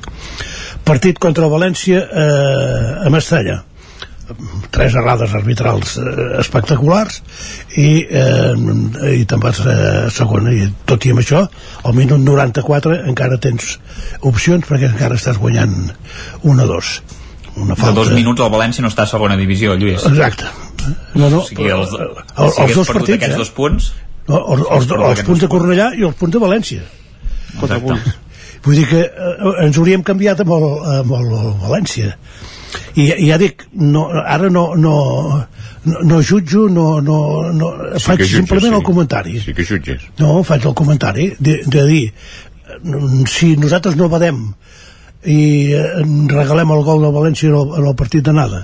I si nosaltres eh, no estem perjudicats per tres eh, per, no, no per una, sinó per tres accions eh, eh, errònies de l'àrbitre en aquests moments estaríem a, primera divisió i hauríem acabat la, la, la darrera jornada eh, permetent que l'Almeria fins i tot guanyés el partit perquè nosaltres ja no ens aniria res. Vull dir que el futbol a vegades depèn d'aquestes petites coses. Sí, això sí. aquest, eh, aquests, aquests detalls que són eh, bé, no sé si la salsa del futbol també o en, porten, en formen part però jo penso que l'errada del porter sí que forma part del futbol però l'errada arbitral no hi hauria de formar res a part i molt menys havent-hi com hi ha el, el bar en aquests moments cada vegada n'hi ha menys de, de rodes de, perquè el bar, perquè el bar n'ha corregit Vols dir? Jo crec que cada vegada n'hi ha Bar- més. no, el bar n'ha cor- el bar n'ha corregit moltes ja ho hem anat, hem anat parlant també això de joc segur Esclar, és que, però és que aquí, aquí hi ha molts punts, eh? Ja, ja. Hi ha molts punts, i això, joc, he i, i jo. això sempre afavoria els mateixos. I això, s'ha- i l'Elvis, això, això i, i això s'ha acabat. Això s'ha acabat. Pol, tenim 3 minuts, vas al Gran Premi de, moto, de Fórmula 1 i o no? No, no, no vaig tenir entrada, o sigui, no vaig comprar entrades ja quan van sortir perquè es van esgotar i eren molt cares. Però vas no... seguir d'alguna manera o no? Sí, o sigui, estava sent el, el Barça i la cursa i per, per allà 0-2 i va acabar la cursa, vaig tornar al Barça i empatava 2-2 i dic, hòstia, què ha passat? En... Tornar a la segona part van, van empatar ja. Però sí, vaig seguir la cursa, al final no va venir a 33 i, bueno, com sempre el que guanya és el que està guanyant tota la temporada, però així seguirà. És molt avorrida la Fórmula 1, ostres. Sí. Ah, Sí, sem bueno, Sempre guanya el mateix. Sí, però clar, Com el venim de futbol. guanyar Hamilton també. Bueno, no, el futbol, el, no, el futbol no, eh? Ah, no? El futbol no guanya sempre el mateix. El Madrid ha guanyat tres títols aquesta temporada, és que clar, aquí volem treure mèrits als altres, però és que no, és veritat, és que i com en el bàsquet, no? En el bàsquet també guanya sempre el mateix, no? Sí, el, bàsquet, de- el, el, bàsquet, com el bàsquet guanya qui té Tavares. No. Ah, vale, vale. Sí, Gràcies. el bàsquet guanya el, que, el bàsquet guanya el que, té, el que té el més alt, vull dir, no? no? I tu, Ostres, Agustí. Home, teniu- És un reduccionisme, això, una en teniu mica un que els, els hi, li pagueu no sé quants milions d'euros però no és tan alt. L'any que ve ja no li pagaran I tant, la, em I sembla, la cistella és a 3.05. El bàsquet està tot inventat, es juga amb les mans. Oh, es juga amb les mans. Sí. M'encanten aquestes frases. És un, manual de frases d'Agustí Danés, eh? El bàsquet es juga amb les mans, que Sí. té més precisió que el futbol que juga amb els peus. Lògic, per això el bàsquet és un joc d'encerts i el futbol d'errors. En Lluís t'ho ha explicat. I, I lo greu és que precisament lo greu és que precisament l'error sigui de l'únic que la pot agafar amb les mans. Això és lo fotut. Saps què vull dir? O sigui, en un joc que es, Ostres. que es juguen els peus i que és d'errors, és fotut que qui falli Crec que si sigui el que la pot agafar amb les mans. Faràs un bestseller. Parlant, parlant d'això... Com has dit, Pol? El que heu fet amb... L'àrbit també la pot agafar amb les mans i L'àrbit errors. sí, l'àrbit també sí. El, el que heu fet amb en Ter Stegen, això és... és, és, és, és, és, és, sí, és, és, és, és, és ridícul. Però què vols dir que heu fet? Què, què us dieu heu Home, fet? que ara jugo una estona, li fan un això- gol, però i això no- canvio, canvio de porter. Però, però això no dius heu fet, això ho fa l'entrenador. Bueno, eh, tu representes el Barça aquí, no? Jo represento el Barça, jo em represento una mica. Representa ell mateix. Doncs defenses el Barça. No, jo, jo, no jo, des del dia que van guanyar la Lliga, ja no l'hauria posat més al Ter Stegen, però no, però, no perquè, però no perquè no li fessin gols, sinó perquè jugués l'altre porter, com no l'hauria posat a la Copa del Rei. Perquè això són decisions de l'entrenador que han volgut salvar aquesta part de, del, del rècord aquest, que més és- era un rècord que mentre ha estat amb tensió l'equip era super merescut. Quan, quan ja perds la tensió i això passa a ser una xarlotada, ja no sé per què li posa Ter Stegen. El que de fer és no, és, és no posar-li més. Però això no és eu, això ho ha fet l'entrenador. És ridícul. No, bueno, aviam, Sí, sí, jo, sí. jo és guanyo que, és i que, l'entrenador perd. És que, no, és, és que és ridícul, i canviar porters a la mitja part és ridícul, i el que hauria d'haver fet era, des del moment que van guanyar la Lliga, era donar minuts en aquest porter, si és que se'l creuen, perquè, no, perquè pot ser que hi hagi un moment que no per una decisió tècnica, sinó per una decisió de sancions, de lesions, hagi de jugar. Per tant, crec que aquí havia d'haver jugat a l'Iñaki Penya i no fer aquestes martingales que al final... Ja, ens- li han servit. Sí. Agustí Danés, Lluís de Planell i Isaac Montades pel Grau, moltíssimes gràcies un dilluns més, ha acabat la Lliga però encara queden alguns programes i per tant continuarem parlant a la tertúlia esportiva els dilluns bon dia Bon dia. Bon dia. I ara ja són les 10, nosaltres que avancem al territori 17 serà moment de posar-nos al dia, d'actualitzar-nos amb les notícies de les nostres comarques perquè com dèiem passa ara mateix un minut de les 10 del matí Territori 17.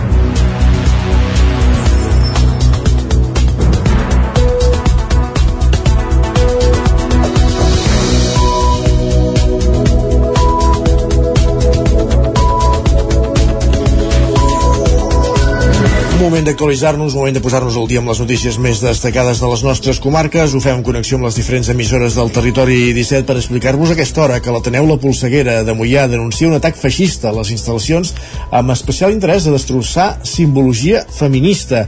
Roger Ram, zona codinenca. Sí, l'espai és la seu del col·lectiu feminista del Moianès La Birbada.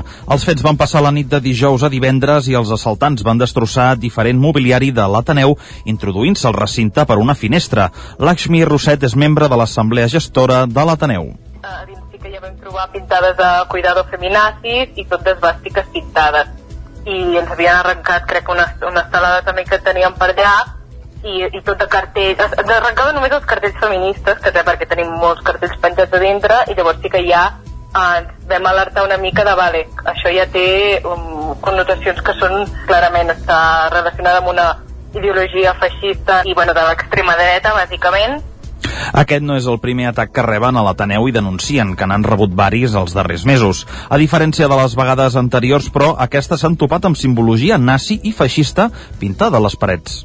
Bueno, ens havien robat com alguna caixa que teníem de diners, uh, un altaveu, bueno, que ens, era així més com, com pensàvem atacs vandàlics, eh, ens feien pintades, però de moment no ens, havien, no ens havien pintat res que poguéssim pensar que es tractava d'un atac polític, sinó que era això més com vandalisme, de destrossar coses i tal, Tot i trobar-se en un espai ocupat, els col·lectius de l'Ateneu podrien denunciar els fets, però la desconfiança cap als cossos policials els ha fet declinar aquesta idea.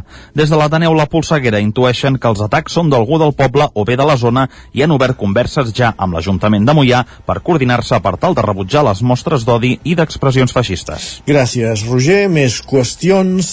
El projecte del ramat a l'escola permet fer tallers amb llana dels ramats d'ovelles del Ripollès i donar-los una sortida. Isaac Muntades, des de la veu de Sant Joan.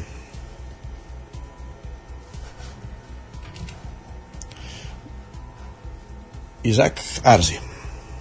Del ramat a l'escola és el nom del projecte impulsat fa 3 anys pel pastor ripollès Miquel Casas per donar sortida a l'excedent de llana acumulat a través de fer tallers a les escoles del Ripollès. Casas té un ramat d'ovelles de raça ripollesa i també algunes cabres. En total posseix fins a 170 caps de bestiar reproductors i es dedica principalment a la venda de carn de xai i cabrit. A l'hivern i a la primavera el seu ramat pastura Sant Pere de Torelló, a l'estiu les mou a Ugassa i a la tardor a Gombrèn. L'any 2020, en plena pandèmia, l'Associació de Pastors del Ripollès va engegar un projecte col·lectiu per vendre la llana conjuntament, ja que abans tothom la venia pel seu compte i era un moment complicat per treure-se-la de sobre. Amb la, amb la situació que és gràcia, la pandèmia i tot plegat, doncs les fàbriques van parar i tot, i no, el mercat va quedar parat. I llavors aquell any, rumiant, rumiant, doncs a mi se va acudir de, que podia estadística a les escoles eh, perquè servir llana per tallers amb els nens, recurs local, de raça autòctona, podia ser una solució per un problema que teníem, el taller es va estendre a tots els centres del Ripollès i llavors, amb l'ajuda de l'associació líder Ripollès Bisaura i l'Agència de Desenvolupament del Ripollès, aquests tallers es van estendre a la vall del Gès i al Bisaure. Casa recordava que el 2020 tenien 7 tones de llana acumulades en dos anys. Van aprofitar 1.000 quilos i la resta la van malvendre. Primer van portar la llana a rentar amb camió fins a Palència, ja que a Catalunya no hi ha cap rentador econòmic o que se n'hi pogués portar tanta. La llana va tornar a una fàbrica catalana per cardar-la i perquè fos apta per fer feltre, un teixit de llana compost de fibres entrellaçades i adherides les unes a les altres. El 90% 100% dels tallers els han fet amb nens d'infantil i primària i es concentren a la tardor i a la primavera. Aquest any ja se n'ha fet una vintena i fan draps, braçalets, punts de llibre, collarets o estoretes pels ratolins ordinadors. També n'han fet algun amb estudiants de secundària en què han teixit barrets o testos per plantes. L'any passat, per donar sortida a la llana, també van fer un tracte amb Vilatures que és Rubí de Barberà del Vallès i els n'hi van vendre perquè fessin fil.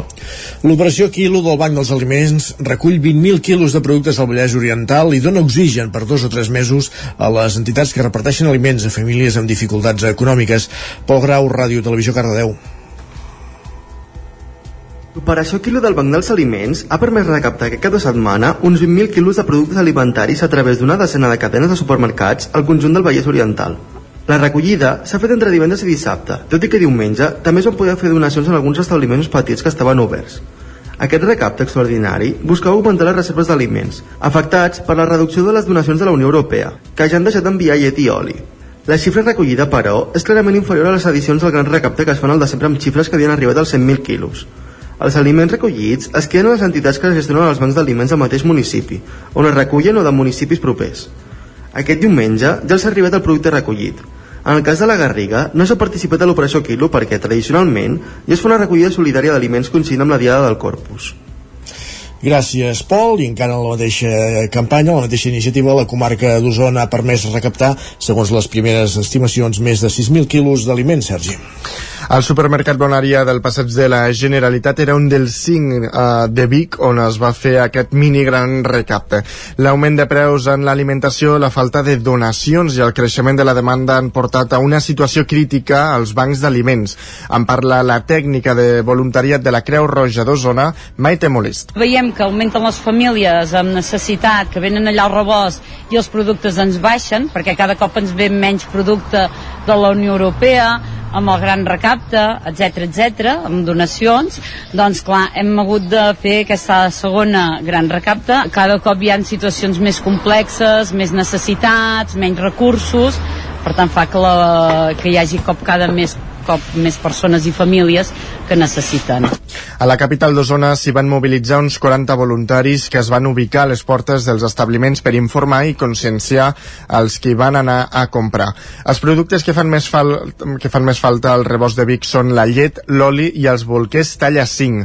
Davant el creixement de les necessitats des de la Creu Roja, no descarten fer recaptes més sovint. Maite També Molist. suposo que es veurà com ha anat i com ha anat, quina valoració se'n treu d'aquesta campanya, però la idea és que sí, que segurament es faran més campanyes perquè s'han de buscar nous camins per, perquè si no no, no tindrem prou producte.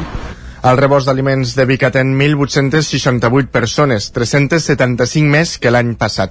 Representen 200 famílies més, en total 696.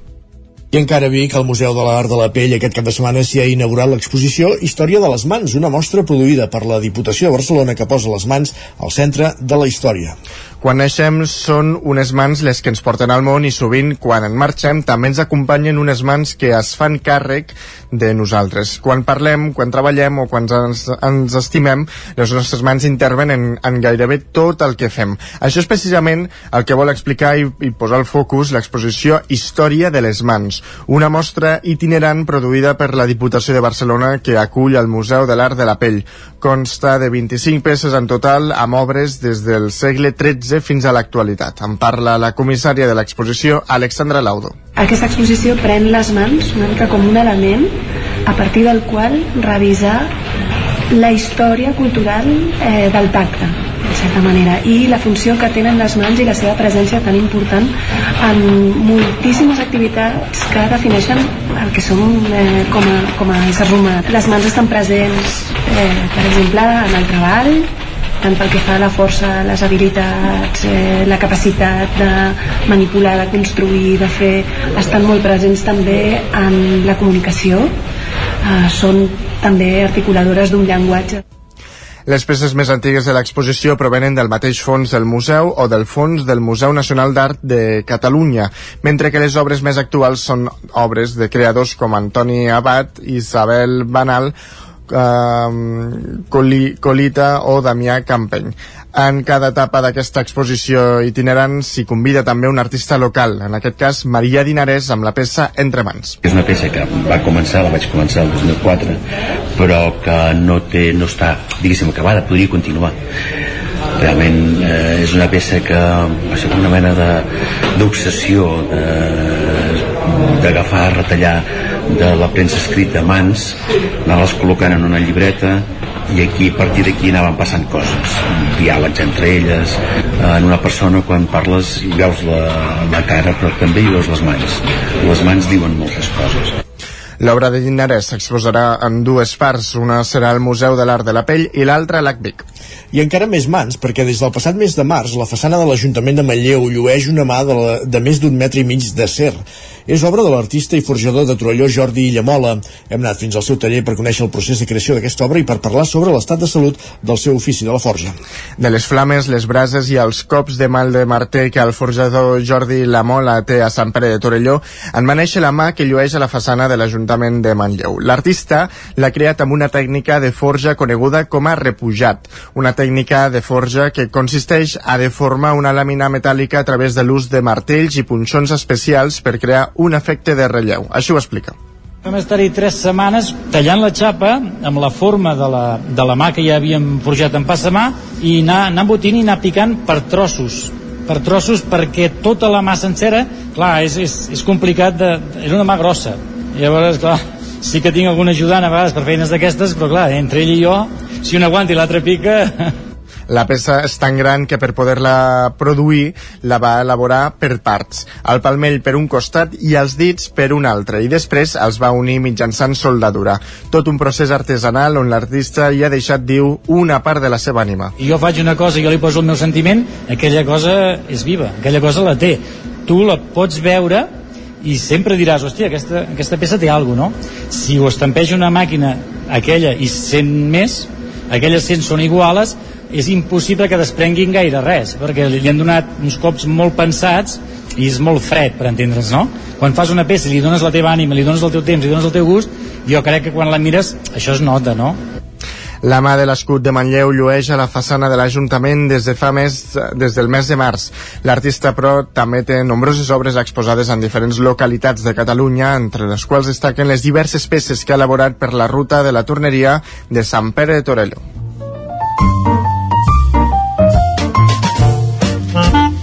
Casa Terradellos us ofereix el temps. Acabem aquí aquest repàs informatiu que començàvem al punt de les 10 en companyia de Sergi Vives, Isaac Muntades, Roger Rams i Pol Grau. És moment al territori 17 de repassar el temps i de saber quin temps farà en els propers dies.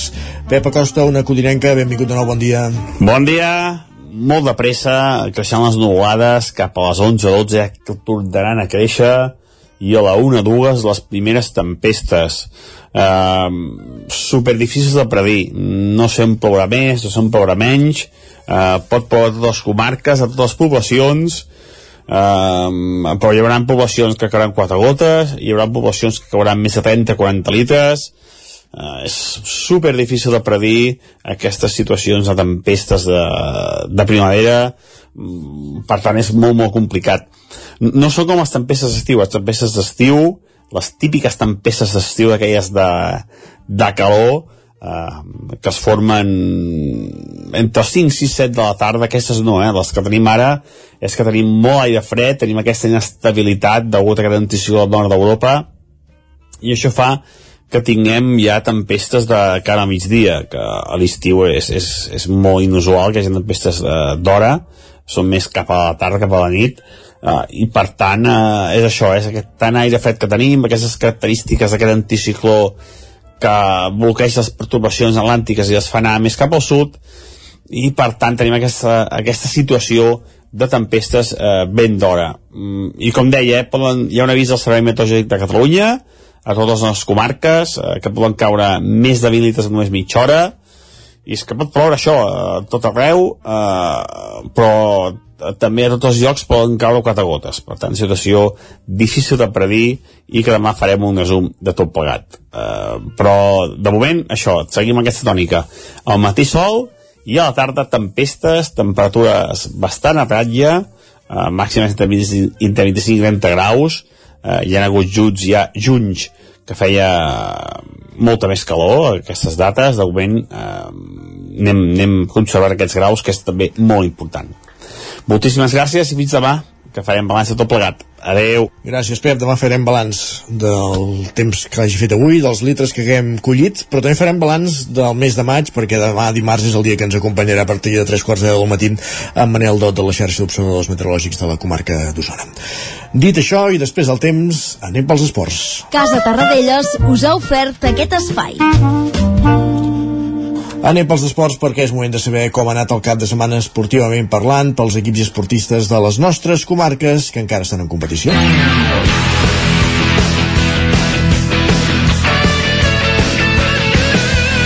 Quart d'onze del matí anem fins als estudis de, als estudis de Ràdio Televisió Cardedeu on ens hi esperen Pol Grau. Pol, benvingut, bon dia de nou. Com ha anat esportivament parlant el cap de setmana?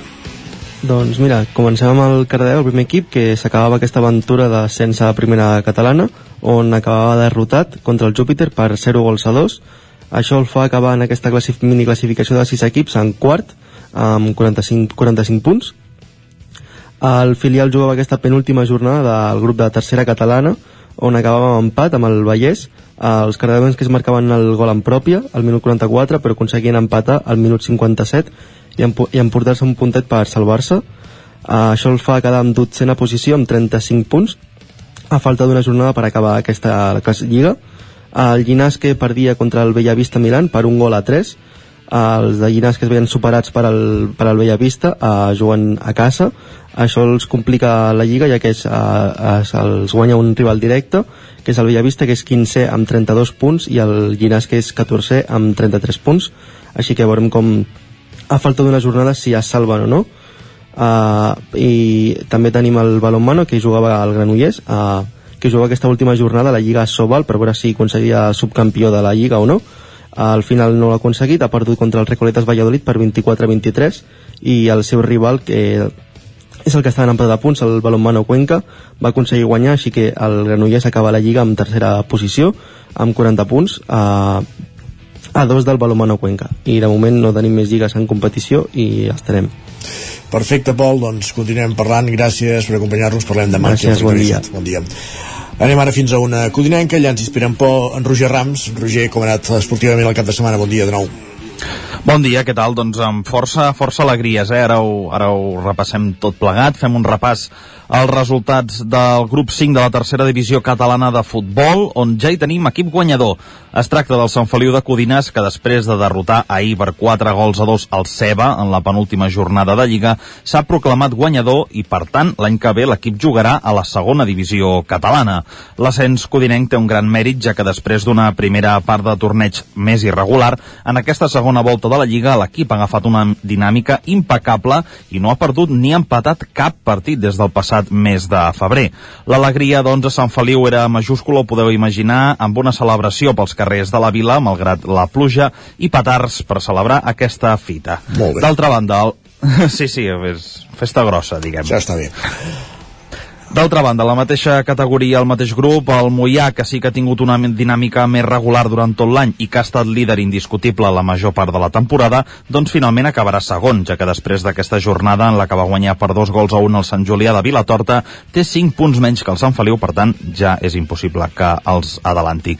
I finalment el Vigues, per la seva part, va clavar una golejada del tot inesperada al Sant Vicenç de Torelló per 5 gols a un, fet que garanteix als ballesans no ser coers, finalment, i els deixa amb opcions a ser penúltims si guanyen la darrera cita el proper cap de setmana. I d'altra banda, destaquem que en hoquei patins femení, el club hoquei Palau, de Palau Solita i Plegamans, ha disputat aquest dissabte el primer dels tres partits de la final de la Lliga davant el Telecable de Gijón a Astúries. Les ballesanes, però, van perdre per dos gols a un, per tant, s'ho juguen tot en el proper partit que serà el cap de setmana vinent aquí a Palau. Doncs ho anirem seguint. Gràcies, Roger. Fins ara. Gràcies, que vagi bé. Bon Continuem dia. aquest recorregut per les emissores del Territori 17 per repassar els esports amb l'Isaac Muntades a la veu de Sant Joan. Isaac. Bon dia, Isaac. Doncs mira, comencem parlant de, de futbol, anem al grup 18 de la tercera catalana, perquè la Badesenc va empatar 0 amb el Font Coberta en un partit en què els santjoanins van perdre la segona posició. Ara són tercers amb 64 punts per darrere de, de la Mer. I bé, hem de dir que la Badesenc a la primera part sí que el seu porter Guillem Sagrés va haver de fer intervencions de mèrit per evitar doncs, els gols del Font Coberta però la segona va dominar més el partit i en va tenir una de claríssima en què la pilota va tocar el pal i la van treure de, de, sota, de sota de pals i després un travesser en una falta. Per tant la Badesenc podria haver aconseguit la victòria però al final es va quedar amb aquest empat a 0. Per la seva banda, el Canano va golejar la Cellera per 5 a 1 i com a mínim acabarà la Lliga en cinquena posició, ara té 60 punts. Serrador va fer dos gols en els primers 8 minuts de partit, Carlos i Maideu van sentenciar abans de la mitja hora i el mateix Maideu va fer el cinquè al minut 55 i la Cellera només va poder fer el gol de l'honor de Cesai a les acaballes de, del partit, un maig que va servir per acomiadar tres llegendes del club com Vinyes, Ernest i, i Garno. Pel que fa al Camprodon, va guanyar a l'escola de futbol de la Garrotxa en una gran segona part i es col·loca 8 amb 49 punts. Sissoko va avançar als visitants de penals, però Critch va capgirar l'electrònica a la segona part amb una gran jugada individual i també en rematar una assistència per la banda i Coderc va fer el tercer en rematar una jugada col·lectiva i donar els 3 punts al, Camp Rodon a falta d'una jornada per acabar la, la competició. A la Primera Nacional de Futbol Sala, l'Escola de Futbol Sala Ripoll va acabar la Lliga en, en tercera posició amb 58 punts després de derrotar el Censur, el CUE, en l'última jornada. A la primera part els locals de fet ja guanyaven 2 a 0, els gols ripolleros els van fer Canjal, Calit i, i Pero. Uh, en aquest cas, a la, també dir-vos que la Primera Nacional d'Hockey, amb la lluita per l'onzena i dotzena posició, el Ripoll va vèncer clarament per 2 a 6 al Voltregà Masies, amb doblets de Solà i Bernat i gols de Paricio i Enric un partit en què al descans els ripollesos ja van ser molt superiors, ja van anar guanyant per una 4 i a la segona part doncs, van acabar d'imposar doncs, el, el seu favoritisme en aquesta, en aquesta eliminatòria que ja doncs, és intrascendent perquè el Ripoll com sabem està salvat i el Voltregà també. Per tant doncs, aquí ja és per mirar qui, qui acaba davant de l'altre. I per acabar dir-vos que a la, a la Molló Trail eh, es, es feien 5 proves, es feien 5 curses destacar segurament la cursa de 21 quilòmetres que era la més important en què Toni Baños doncs, es va imposar amb un temps d'una hora 35 minuts i 28 segons per davant de, de Genís eh, Porqueres i en tercer lloc eh, doncs, eh, se'l va adjudicar Llorenç Esteve. En la categoria mm, femenina la victòria va ser per la corredora russa Anna Tarasova amb un temps d'una hora 51 minuts i 58 segons que va dominar eh, la prova en, en tot moment i en segona posició va quedar Alana Cadi i tercera va ser Maria Benito. Gràcies Isaac uh, per aquest exhaustiu repàs el que ha estat el cap de setmana esportivament parlant al Ripollès parlem d'aquí una estona, fins ara fins ara Continuem al territori 17 i ara acabem repassant esportivament parlant el cap de setmana des dels estudis del 9FM on ja hi ha l'Ester Rovira, benvinguda, bon dia. Bon dia. Com ha anat això? Doncs mira, un cap de setmana amb força activitat esportiva, eh, ja han acabat la majoria de, de competicions regulars pels principals equips de la comarca, però tot i així eh, doncs hi havia molta activitat. Eh, una de, de les grans cites del cap de setmana era la marxa Jofré Riu Primer, que arribava aquest diumenge a la desena edició, eh, i ho feia doncs això, eh, amb una edició d'aniversari eh, d'aquesta primera dècada on van participar 700 ciclistes, entre aquests hi havia cares conegudes com les de Toni Bou, amb el seu Mauri, Anna Ramírez o Marc Solà, així com la del pastisser local Lluc Roselles, que va ser l'homenatjat d'enguany, i uh, això, una cita uh, que va omplir les carreteres d'Osona, al Lluçanès. Has, has dit molts noms, però no tots són ciclistes, eh? Hi havia gent del No, motor no, aquí, un pastisser, déu Sí, sí, eh? sí. I fer 100 i escaig quilòmetres no és pas poca cosa. 111 a la volta curta i 154 a la llarga. Nosaltres no els faríem pas, Isaac, tu i jo. No, no, t'asseguro que no. però aquesta gent en són valents i, i això de la bicicleta uh, ho toquen bé. I això que dèiem, um, una edició especial de, de celebració per una dècada d'aquesta prova que recordem que va ser uh, doncs de les primeres coses que va impulsar Josep Jofré quan va decidir retirar-se uh, del ciclisme professional. Després n'ha fet moltes d'altres com la seva escola uh, que té tant èxit uh, aquí a la, a la comarca però el primer que va fer l'any just després de, de retirar-se va ser impulsar aquesta marxa cicloturista que s'ha convertit en una de les de, de referència.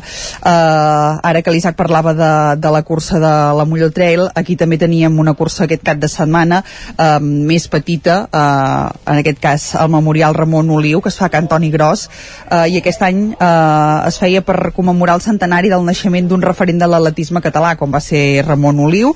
Aquí van participar 125 uh, atletes, i el guanyador va ser Jordi Alzina en categoria masculina, mentre que en femenina eh, la dona més ràpida va ser Aledis Caro i un cop acabada eh, la prova es va inaugurar una placa a la casa natal de- d'Oliu eh, eh, doncs a càrrec de l'associació de, de veïns de, de Can Toni Gros.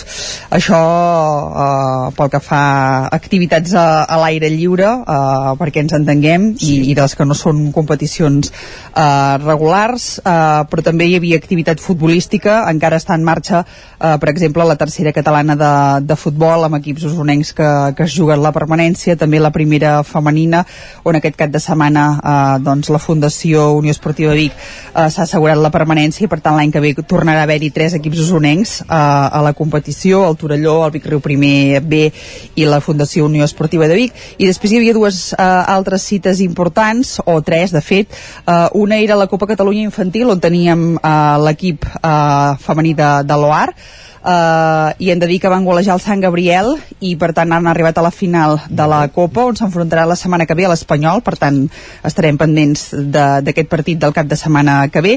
I també hi havia Copa Catalunya Amateur la segona eliminatòria i aquí el representant usonenc era la Gleva que recordem que van assolir el seu ascens a tercera catalana. Sí. però uh, l'aventura uh, de l'equip en aquesta competició ha sigut curta perquè van caure uh, ahir a la tarda per 5 a 1 al camp de l'Espluclenc uh, Espluclenc ho dic bé, Splugenc ara i uh, per tant han quedat uh, eliminats. i l'altre encara punt d'interès en, en l'àmbit del futbol és que l'OAR organitzava uh, el seu torneig Jaume Mogosa uh, sí. de futbol i va tenir presència uh, del Barça en les dues competicions en la masculina i en la femenina i en les dues els Blaugrana van resultar els, els vencedors. I acabem amb un altre punt per destacar també un nou èxit en aquest cas en tenis taula. Aquest cap de setmana es disputaven els campionats de, de Catalunya eh, d'aquest esport tant per equips com en individuals i en dobles i el Girbau Vic TT va, va aconseguir ser un dels clubs amb més èxits a la competició.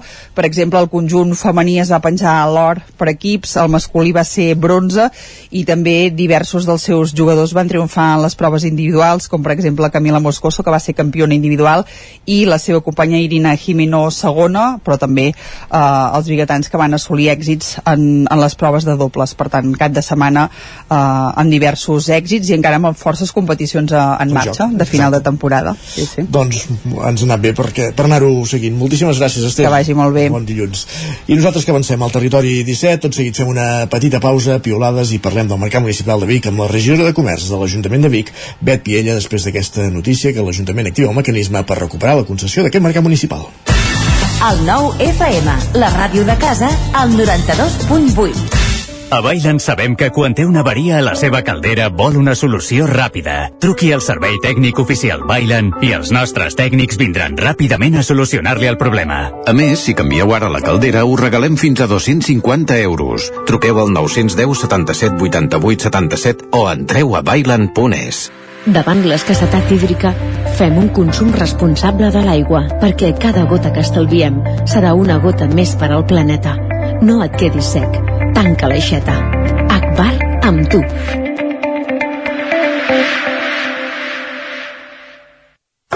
Si tens pensat canviar la caldera o posar aire condicionat, posa't en mans a Pradell. Tenen les millors ofertes. Pradell instal·la calderes de biomassa, calderes de condensació, aire condicionat tant per a particulars com per a empreses.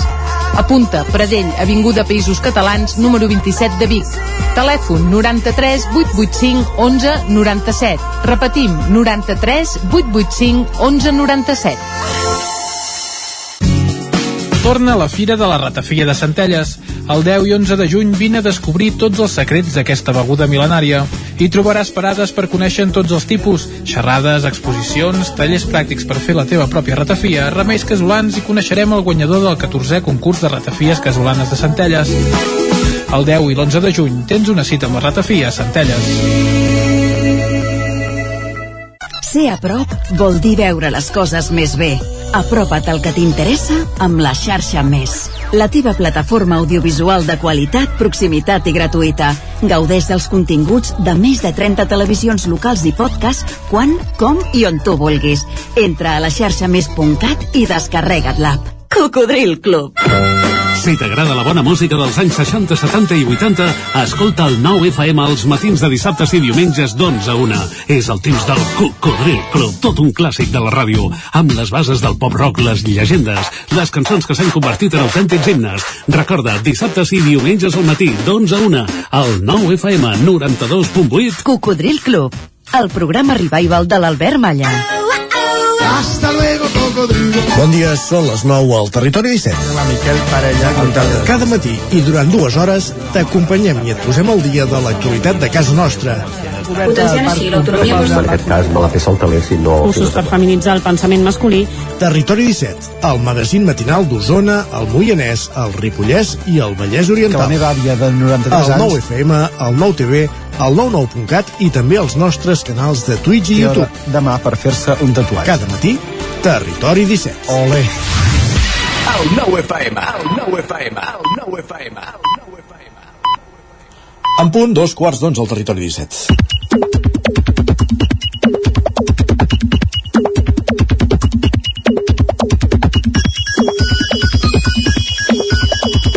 Dos quarts d'onze, com cada matí, amb en Guillem Sánchez. Moment de repassar el més destacat que hem trobat a Twitter. Benvingut, bon dia, Guillem. Què tal, com estem? Bé, i tu? Doncs vinga, intentant començar amb energia la setmana, tot Sí, i que costa a vegades. Eh? Després del dissabte i el, i el diumenge, si hi ha una mica de... Què has anat a celebrar ja? Mm, Bé, hi ha hagut futbol, hi ha hagut eh, trobades amb els amics, per tant, aquí, vinga, el, Ah. que, el que es posi per davant, no hi ha Doncs va, problema. ara com a bon professional, de dilluns al matí i aquí al peu del canó. Però vinga, però començarem parlant precisament d'això perquè l'Eric ens acosta un missatge com el següent que ens diu Ahir un grup de col·legues van quedar per fotre un esmorzar de forquilla i ganivet, van empalmar amb un dinar de sobretaula fins al vespre, van anar a sopar i encara van tenir nassos de xafar la discoteca. Diu, la gent que es lia fàcilment té el meu respecte i admiració. Què bon vols dir, a la discoteca? Van fer malbé? Jo entenc que ho van donar tot allà, Ah, eh, culminant una jornada gastronòmica i social d'allò més experimentada. Molt bé. Uh, felicitats, doncs. Vinga. Enhorabona. Uh, aprofitar-ho. De fet, la Maria del Mar li respon a l'Eric aquest missatge i li diu suposo que són joves, perquè jo a prop dels 50 diu no aguanto aquest ritme. però, però es pot baixar el ritme, es pot canviar el ritme, es pot canviar el context, per tant, això no és pas excusa. Va, i parlant de menjar, aquest usuari ens planteja un dubte que podria generar, em sembla, hores i hores de debat, segurament. Ens pregunta, necessito que algú m'expliqui per què es posa el tovalló entre el plat i l'entrepà. Tu què li respondries, Isaac? La majoria de respostes diuen per què no patini? I no, jo també em, em faig la mateixa pregunta que ell, també t'ho diré. Doncs mira, te'n destacaré dues respostes, que són les dues que m'han agradat més, d'aquest Ja. comentari. La primera, la d'en Víctor, que ens diu per evitar que el plat quedi ple d'oli i aquest taqui la part exterior del pa, per tant, les mans de la persona. Diu, és una alternativa a embolicar l'entrepà, cosa que no tothom vol. Per tant, aquí es veu que hi ha un, hi ha un estudi o un, un treball de camp fet darrere, Sí? i de fet hi ha un altre usuari també que afegeix, diu, perquè si el posen damunt, volaria quan te'l porten. Diu, ni idea. ni idea. Però va, com dèiem, eh, protagonisme del cap de setmana, Isaac em sembla que ha estat una mica per al futbol, oi? Una mica, una mica. Una miqueta, va, especialment, com dèiem, eh, per la victòria del Barça a la final de la Champions, en Josep Maria Miró ens escriu avui, avui per xarxes. Jo no he estat mai massa de futbol, però del Barça femení m'agrada tot. Diu campiones, el tarannà i que són genuïnes, sentir-les parlar i cantar en català i sobretot que les meves nebodes les adoren. I això vol dir que una generació de nenes tan referents femenins d'aquí i nostres. Doncs vinga, felicitats. Exacte. Vas veure el partit, tu per això, Isaac? Jo vaig exercir de culer tribunaire i amb el 2 a 0 me'n vaig anar a fer feina. I llavors vas tornar a posar... No, no, cap de 3 hores vaig dir per allà a casa i què ha fet el Barça? Diu, ha guanyat, dic, ah, sí. I llavors em vaig mirar el resum, no? Exacte. I la celebració Exacte. ahir a la tarda, no? Tampoc, Perfecte. també treballava, no. No. Clar, fi.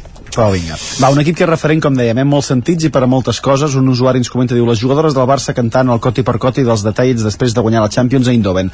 El català el salvarem parlant-lo i cantant-lo. També. Doncs vinga, endavant. Qui, qui millor que elles per, per poder-ho per poder fer. Però a vegades, Isaac, en contextos de victòria, sí. passen coses així. Ens escriuen Catalunya necessita una sèrie de quatre temporades de monòlegs de les jugadores del Barça borratxíssimes al balcó de la Generalitat. és que ens fixem en tot, eh, ja. Pobret. És que és normal, és normal, no? Sí, Estan sí. contentes i la gent ho expressa eh, d'aquesta manera. Exacte. És que, clar, nosaltres jutgem una cosa en, en un estat que no estem en el seu context, per tant, és molt diferent. Eh, fa... Isaac. És molt diferent jutjar-ho havent estat a plaça Sant Jaume que mirant-ho per la tele fredament quan et va anar bé. Isaac, què faries tu si haguessis guanyat una lliga de campions de futbol? El que fan elles? Doncs ja. T'imagines guanyar una lliga de campions de No, futbol? no, seria molt difícil en el meu cas, eh? perquè no sabria com s'agafa una pilota. Vull dir. Va, i és ja que no una- amb els peus, amb les mans. I és que un altre usuari de Twitter ens rescatava un dels comentaris que no sabem si es va sentir en directe durant la celebració del títol. Ens escriuen Laia, la ratafia. Diu, no sé si s'ha sentit en directe. Doncs vinga. Laia la ratafia, la Laia Codina, volem dir. Entenem que sí. Ratafia sempre al poder. Va, i en un altre context, ahir també es va jugar l'última jornada de Lliga d'aquesta temporada i en Joan Carles ens fa una reflexió interessant. Llavors Ja, ja, valorem. Diu, enhorabona a l'Almeria que han patat el camp de l'Espanyol. Diu, al final els jugadors ho han celebrat a la gespa una bona estona saltant al mig del camp i fent una rotllana, però avui es veu que això no era una provocació i això que l'equip local avui sí baixa a segona divisió. Exacte. Va baixar la setmana passada. Ho deixarem aquí, no? No farem més, més No, no, comentaris, sí. no? Va, i en un altre àmbit l'Andreu ens escriu per xarxes, diu Benzema era el davanter que el Barça havia de fitxar quan va marxar, van fer fora Eto. Diu, estem parlant del millor nou dels últims 15 anys, ens vam equivocar, no passa res. Diu, ha guanyat 5 Champions amb el Madrid, aquí ja sí que passa. Bueno. De fet, la sèrie de comunicats que va començar a fer ahir el Madrid va ser va ser esperpèntica. Ah, sí? Què va passar? No, que cada mitja hora feia un tuit eh, anunciant que el com vinculat amb un, amb un jugador. No sé si és que ahir la persona de premsa va decidir anar a treballar i li van encolomar tots els marrons i va dir, vinga, va, Va, vinga. ho direm tot Últim ja... dia de Lliga i anem resolent coses. Evidentment. Va, i acabarem amb una reflexió d'en Quim que ens diu el següent, diu com és que to to tothom es queixa dels preus de tot, però tothom està fent el vermut a les terrasses? Doncs perquè és mes de juny i s'ha d'aprofitar i la gent ja està en mode vacances i en mode... I perquè la gent no ha de donar explicacions del que fa, home. Cadascú Pot ser car, que... sí, tu pots pagar, sí, doncs vinga, terrasses i ser incongruents i hipòcrites tot el que faci falta, només faltaria. Gràcies, Guillem. Va, que vagi molt bé. Bon dia, bon dilluns. Territori 17. Envia'ns les teves notes de veu per WhatsApp al 646 079 023. 646 079 023. WhatsApp Territori 17.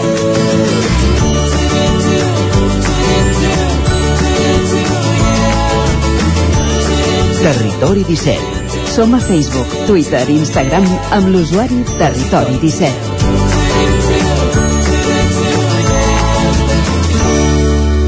6 minuts que passen de dos quarts de 11 del matí.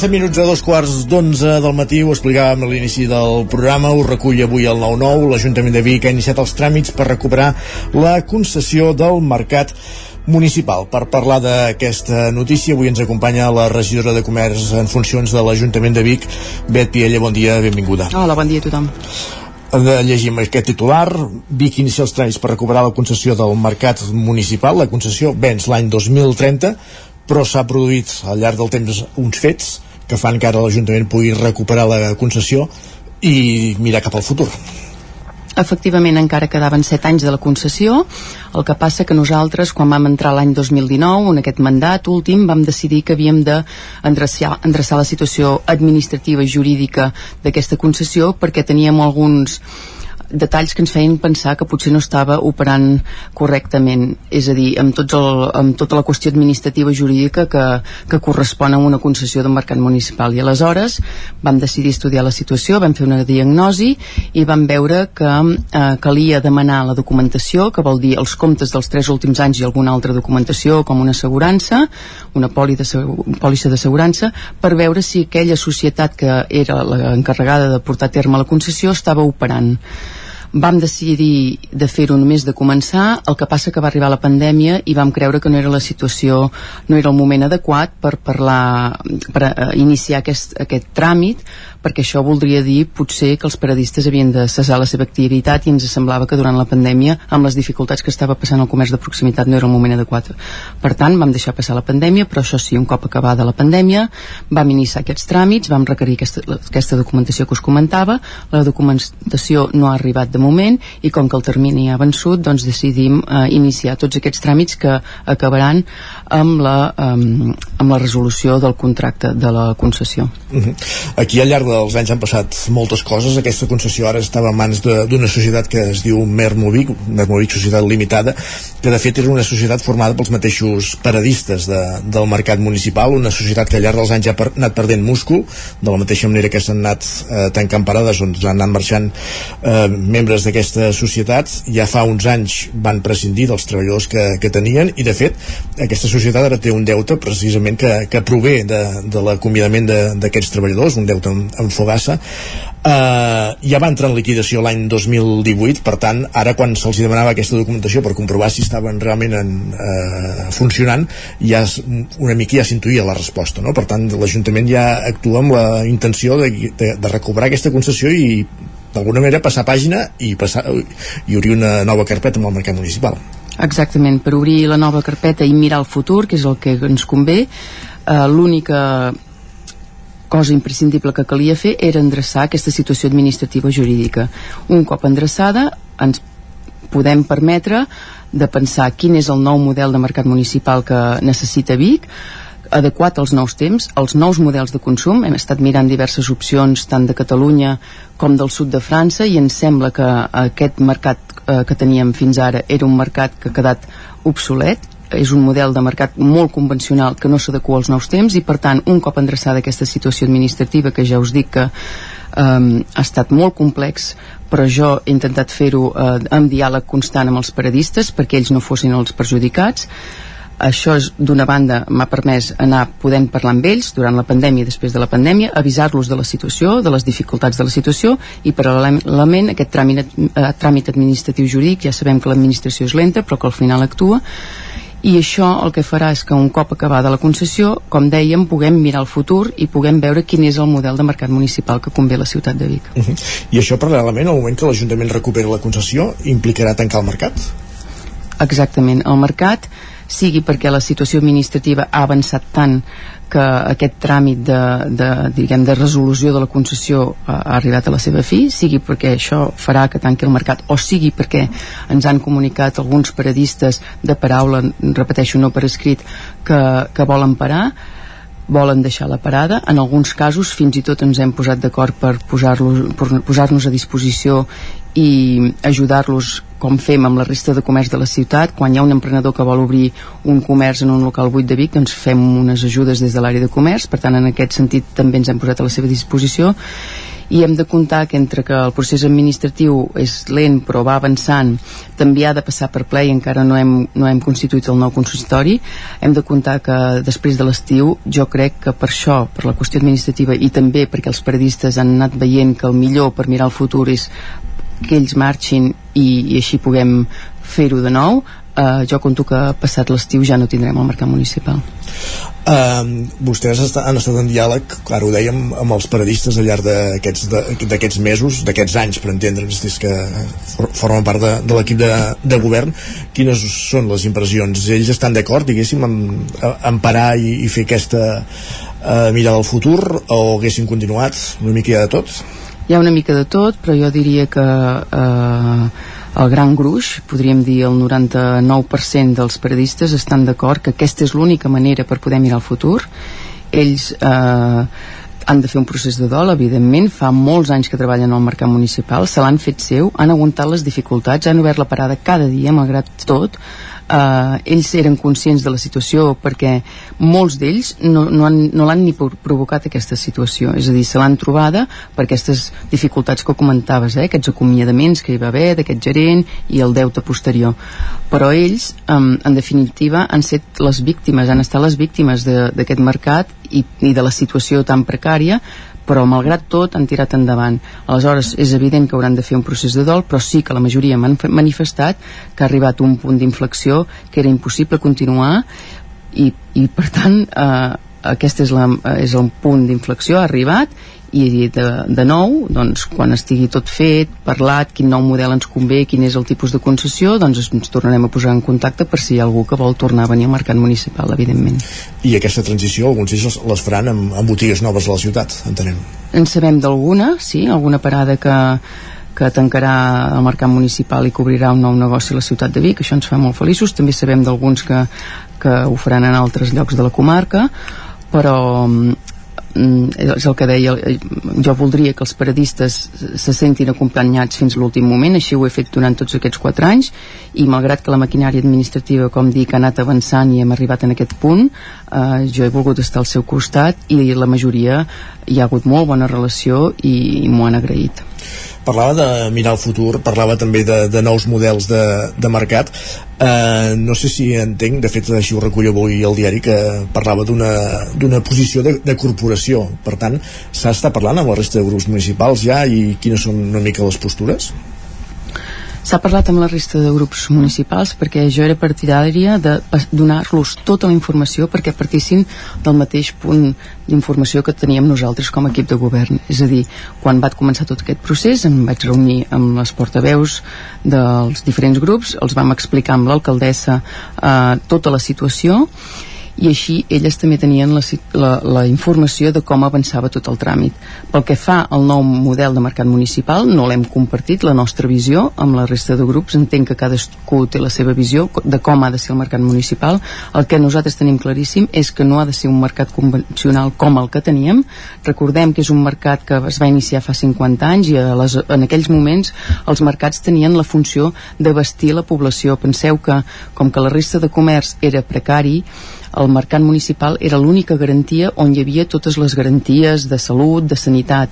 I també eh, tot, tot això ha anat evolucionant. El comerç de, de Vic té molta qualitat i evidentment té, té totes les garanties. I per tant aquella missió que aquell mercat municipal feia, fes, feia fa 50 anys no és la mateixa que ha de fer ara perquè nosaltres també diem el nou model de mercat municipal ha de passar ha de tenir un consens de tot el comerç de la ciutat. Eh, aquella funció que feia aleshores s'ha acabat i ara en té una de nova de, de funció. I l'ha de fer perquè aquests el models, els models de consum el comerç de proximitat tot ha canviat en 50 anys, és evident, ho veiem. I per tant, amb les dificultats que està passant el comerç de proximitat convencional no tindria cap sentit que féssim un mercat municipal com el de fa 50 anys perquè és evident que eh, desestabilitzaria moltíssim el comerç actual i tampoc seria rendible per ell mateix. Mhm. Cap una tendir cap a visions més gastronòmiques, per entendre'ns. Exacte, visions més gastronòmiques, un mercat que estigui obert al cap de setmana, un mercat que sigui accessible a peu pla, n'hem vist molts de models i creiem que aquest és el camí. Jo sempre poso l'exemple de la biblioteca, és a dir, si nosaltres quan ara hem, hem dissenyat la nova biblioteca haguéssim fet una biblioteca convencional, d'aquí 10 anys seria una biblioteca completament obsoleta i no respondria a les necessitats del moment i del jovent que vindrà i d'aquí 10 anys, 20 i 30 anys. I aleshores amb el mercat municipal hem de fer el mateix, ens hem d'avançar. Estem veient que els mercats municipals convencionals de la resta de Catalunya no estan funcionant en molts casos. Sabem de, de paradistes que estan abandonant els mercats municipals i per tant nosaltres ens hem d'avançar. I el que hem de fer és estudiar aquest nou model de mercat municipal veure quin és eh, la missió que ha de fer dins de tot l'estratègia comercial de la ciutat que ja us dic que passa per enfortir també el, el, el petit comerç.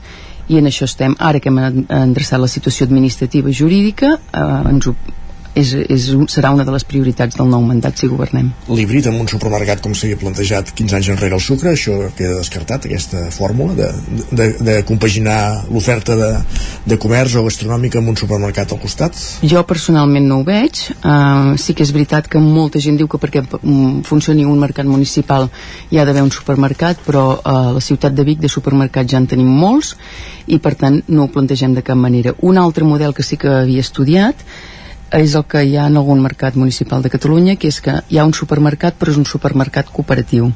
El que passa que eh, s'han adonat també que aquest supermercat cooperatiu està fent una mica la mateixa funció que fan les parades del mercat municipal i, s'acaben fent competència. Per tant, tampoc no és el model que nosaltres preveiem. Uh -huh.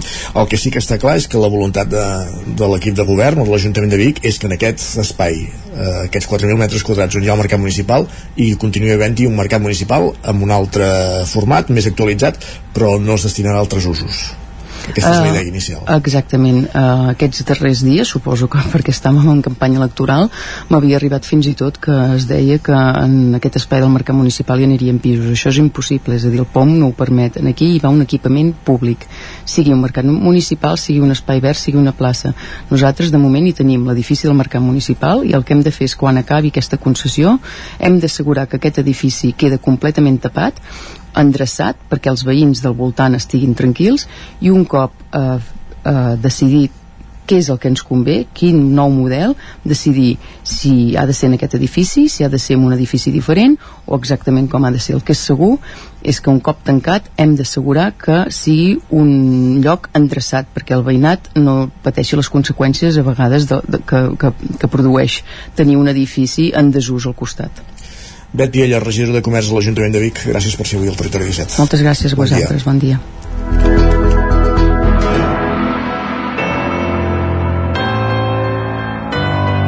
Territori, Territori 17. 17.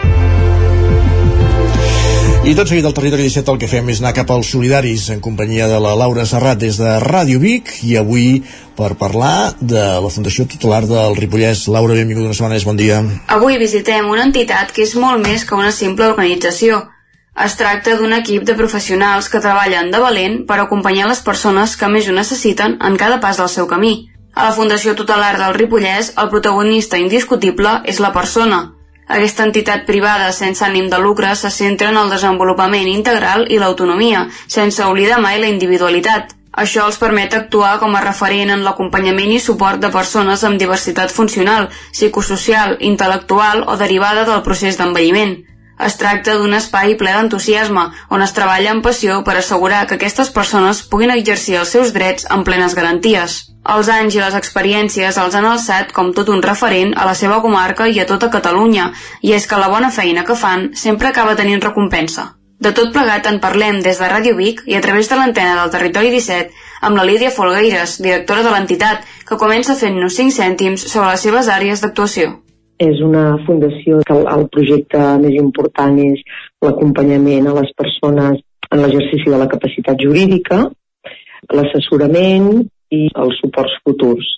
Llavors a vegades ens diuen, ai, què, què vol dir tot això? Bueno, doncs que al costat de les persones i des de la seva voluntat, que ells demanen un, un suport que necessiten pel que creguin, patrimonial, social o personal, doncs la Fundació li dona els suports que ells sol·liciten i fem a vegades pues, això, de germans, de pares, de fills, eh?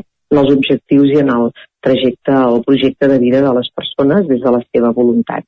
L'any 2011, l'entitat de persones amb discapacitat del Ripollès va fundar una nova associació per centrar-se en els drets i l'atenció d'aquestes persones, i així és com neix la Fundació Tutelar.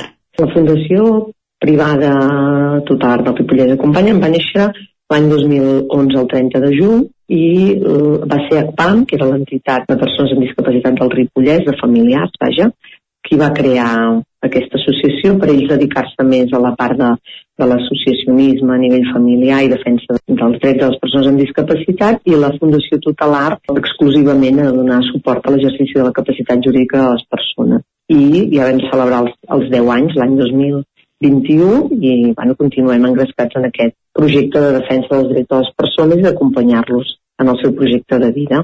Folgueires ens parla dels projectes que tenen en marxa des de la Fundació, assessorament, suport jurídic o convenis de seguiment futur, entre d'altres iniciatives. En els serveis que s'ofereixen és aquest que dic, el suport a l'exercici de la capacitat jurídica en funció de les sol·licituds de les persones i des de la mirada l'ètica. Llavors, aquest és el gran projecte. Llavors van relacionats l'assessorament que podem fer tant a nivell de professionals, d'entitats prestadores de serveis, de famílies, perquè les persones que nosaltres acompanyem el 65% viuen al seu domicili o estan en pisos tutelats d'altres entitats, perquè nosaltres no tenim pisos tutelats. A vegades la gent ens confonen amb les entitats prestadores de serveis. Nosaltres el que fem és acompanyar-los allà on sigui. N'hi ha que viuen al domicili, n'hi ha que viuen en una residència de gent gran, n'hi ha que, que viuen en, una, en uns pisos tutelats de la residència de persones amb discapacitat, nosaltres el que fem és, és acompanyar-los. Aquest és el projecte més important. Llavors l'assessorament que fem a tot l'entorn important de la persona que acompanyem i també a vegades aquest, eh, el, el superfutur, que són persones, normalment són pares, eh, que tenen fills amb, amb discapacitat intel·lectual i sempre diuen, i quan nosaltres no hi siguem, què, què passarà, no? Llavors es fa aquest conveni de suport futur perquè el dia que ells no hi siguin, bueno, llavors haurem de fer tot el tràmit inicial, però saben que tenen la garantia que una entitat de suport els acompanyarà els fills que ells, els que ells sol·licitin. La directora assegura que els anys de pandèmia van ser complicats, però que els seus serveis van continuar. Mira, amb la Covid va ser difícil. Nosaltres hem tingut la sort que, derivat de, de la mateixa malaltia, no vam tenir cap de funció directa. Eh? Això també ens va donar molta tranquil·litat.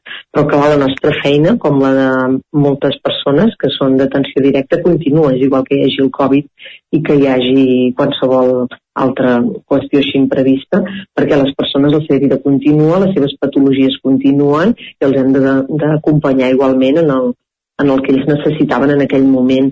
Llavors el que va ser difícil per les professionals perquè ens havíem de, de protegir molt, de, i de continuar acompanyar-los a, a tot arreu i mira, vam tenir la sort que totes el vam passar més d'una vegada perquè és així, però almenys les persones que acompanyàvem va anar, va anar tot molt bé. Assegura que els usuaris van trobar a faltar els acompanyaments més enllà de les visites mèdiques imprescindibles i a nivell mental va ser una davallada important. A nivell organitzatiu van aplicar el teletreball i els acompanyaments als usuaris es feien en vehicles equipats amb fundes i complint amb les restriccions. Ells ho van viure segurament haguessin volgut que els acompanyéssim més sovint com fem ara, que, que un dia pots, pots acompanyar-lo metge i un altre dia el que volen és anar a donar un vol i anar a, a comprar unes sabates o anar a prendre un got d'aigua amb, un, amb una font, no? I llavors el que fèiem era lo just i necessari, no? que eren les visites mèdiques que eren imprescindibles que es fessin amb metges especialistes evidentment que a nivell mental amb, amb moltes persones hi va haver una davallada important perquè era molt dur, no? Tots que tenim la nostra capacitat. Hi ha persones que a vegades els els hi costava més entendre que era un tema de protecció general de, de tota la societat, no? Però bueno, els vam anar acompanyant, els hi vam anar explicant i això fèiem exclusivament el mèdic i personal que era imprescindible. Un canvi recent en la normativa per a aquestes persones ha estat un gran avenç en els seus drets i deures. Ara, amb aquest canvi de normativa, que segurament que ja sabreu, que ara ja no s'incapacita, ho dic incapacitar perquè la gent, si no, a vegades no ho entenen, ja no es modifica la capacitat de les persones i això ha sigut un, un gran avenç per ells perquè tenen els mateixos drets i deures que la resta de, de societat i també és un graó molt important que, que han pujat no? i que ells mateixos són els que quan no són trastorns cognitius o demències que ells ja no poden manifestar, però la resta de, de patologia són ells que demanen aquest suport i aquest acompanyament i per tant també ha sigut un, un repte important que s'ha aconseguit respectar la voluntat de les persones i des d'aquesta mirada ètica no, dels suports i, i no tant des del paternalisme perquè a vegades decidir per les persones és molt més fàcil que treballar al costat de les persones eh, en la presa de decisions. Per a l'entitat, un pas clau ha estat superar la incertesa de la subvenció pública, que fins ara els obligava a treballar amb una previsió d'un any vista, un progrés que ens explica en detall la directora el més important i és un dels objectius que ens hem marcat, les entitats de suport a l'exercici de la capacitat l'any passat van tenir l'oportunitat d'acreditar-se com i formar part de la xarxa de serveis socials d'atenció pública. Nosaltres ja, ja tenim el certificat i aquest any l'objectiu, un dels objectius del 2023 és l'adequació de la reglamentació per al concert social i la gestió delegada de xarxa de serveis. Això què vol dir que, com altres o com molts serveis, ja no dependrem de la subvenció, perquè el finançament sí que és molt important per treballar amb qualitat i el fet de tenir un concert social vol dir que com a les residències de gent gran, per exemple, el finançament és a, a tres mesos no, de les persones que estàs acompanyant en aquell moment. Per a la Fundació Tutelar del Ripollès, el futur ideal seria que el nivell de salut mental de la població avui en dia millorés, per a l'entitat, el seu plantejament ideal seria poder mantenir-se i no créixer més, perquè això voldria dir que les persones deixen de tenir problemes i viuen en una societat més sana. Aquesta entitat és sinònim d'amistat, de la confiança i el suport en moments crítics. En aquesta dècada de feina incansable s'han convertit en aquella família a qui recorre en els moments difícils per a més d'un centenar de persones. La seva dedicació és un testimoni del valor que donen a cada vida i la importància de ser-hi sempre, amb calidesa i empatia. Gràcies, Laura. Una setmana més amb els solidaris. Acabem el territori 17. Hem engegat a les 9 del matí. Isaac Muntades, Agustí Aneix, Lluís de Planell, Pol Grau, Pepa Costa, Roger Rams, Esther Rovira, Guillem Sánchez, Laura Serrat, Sergi Vives i Isaac Moreno. El territori 17 hi torna demà a partir de les 9 del matí. Fins aleshores, bon dilluns. Gràcies per ser-hi.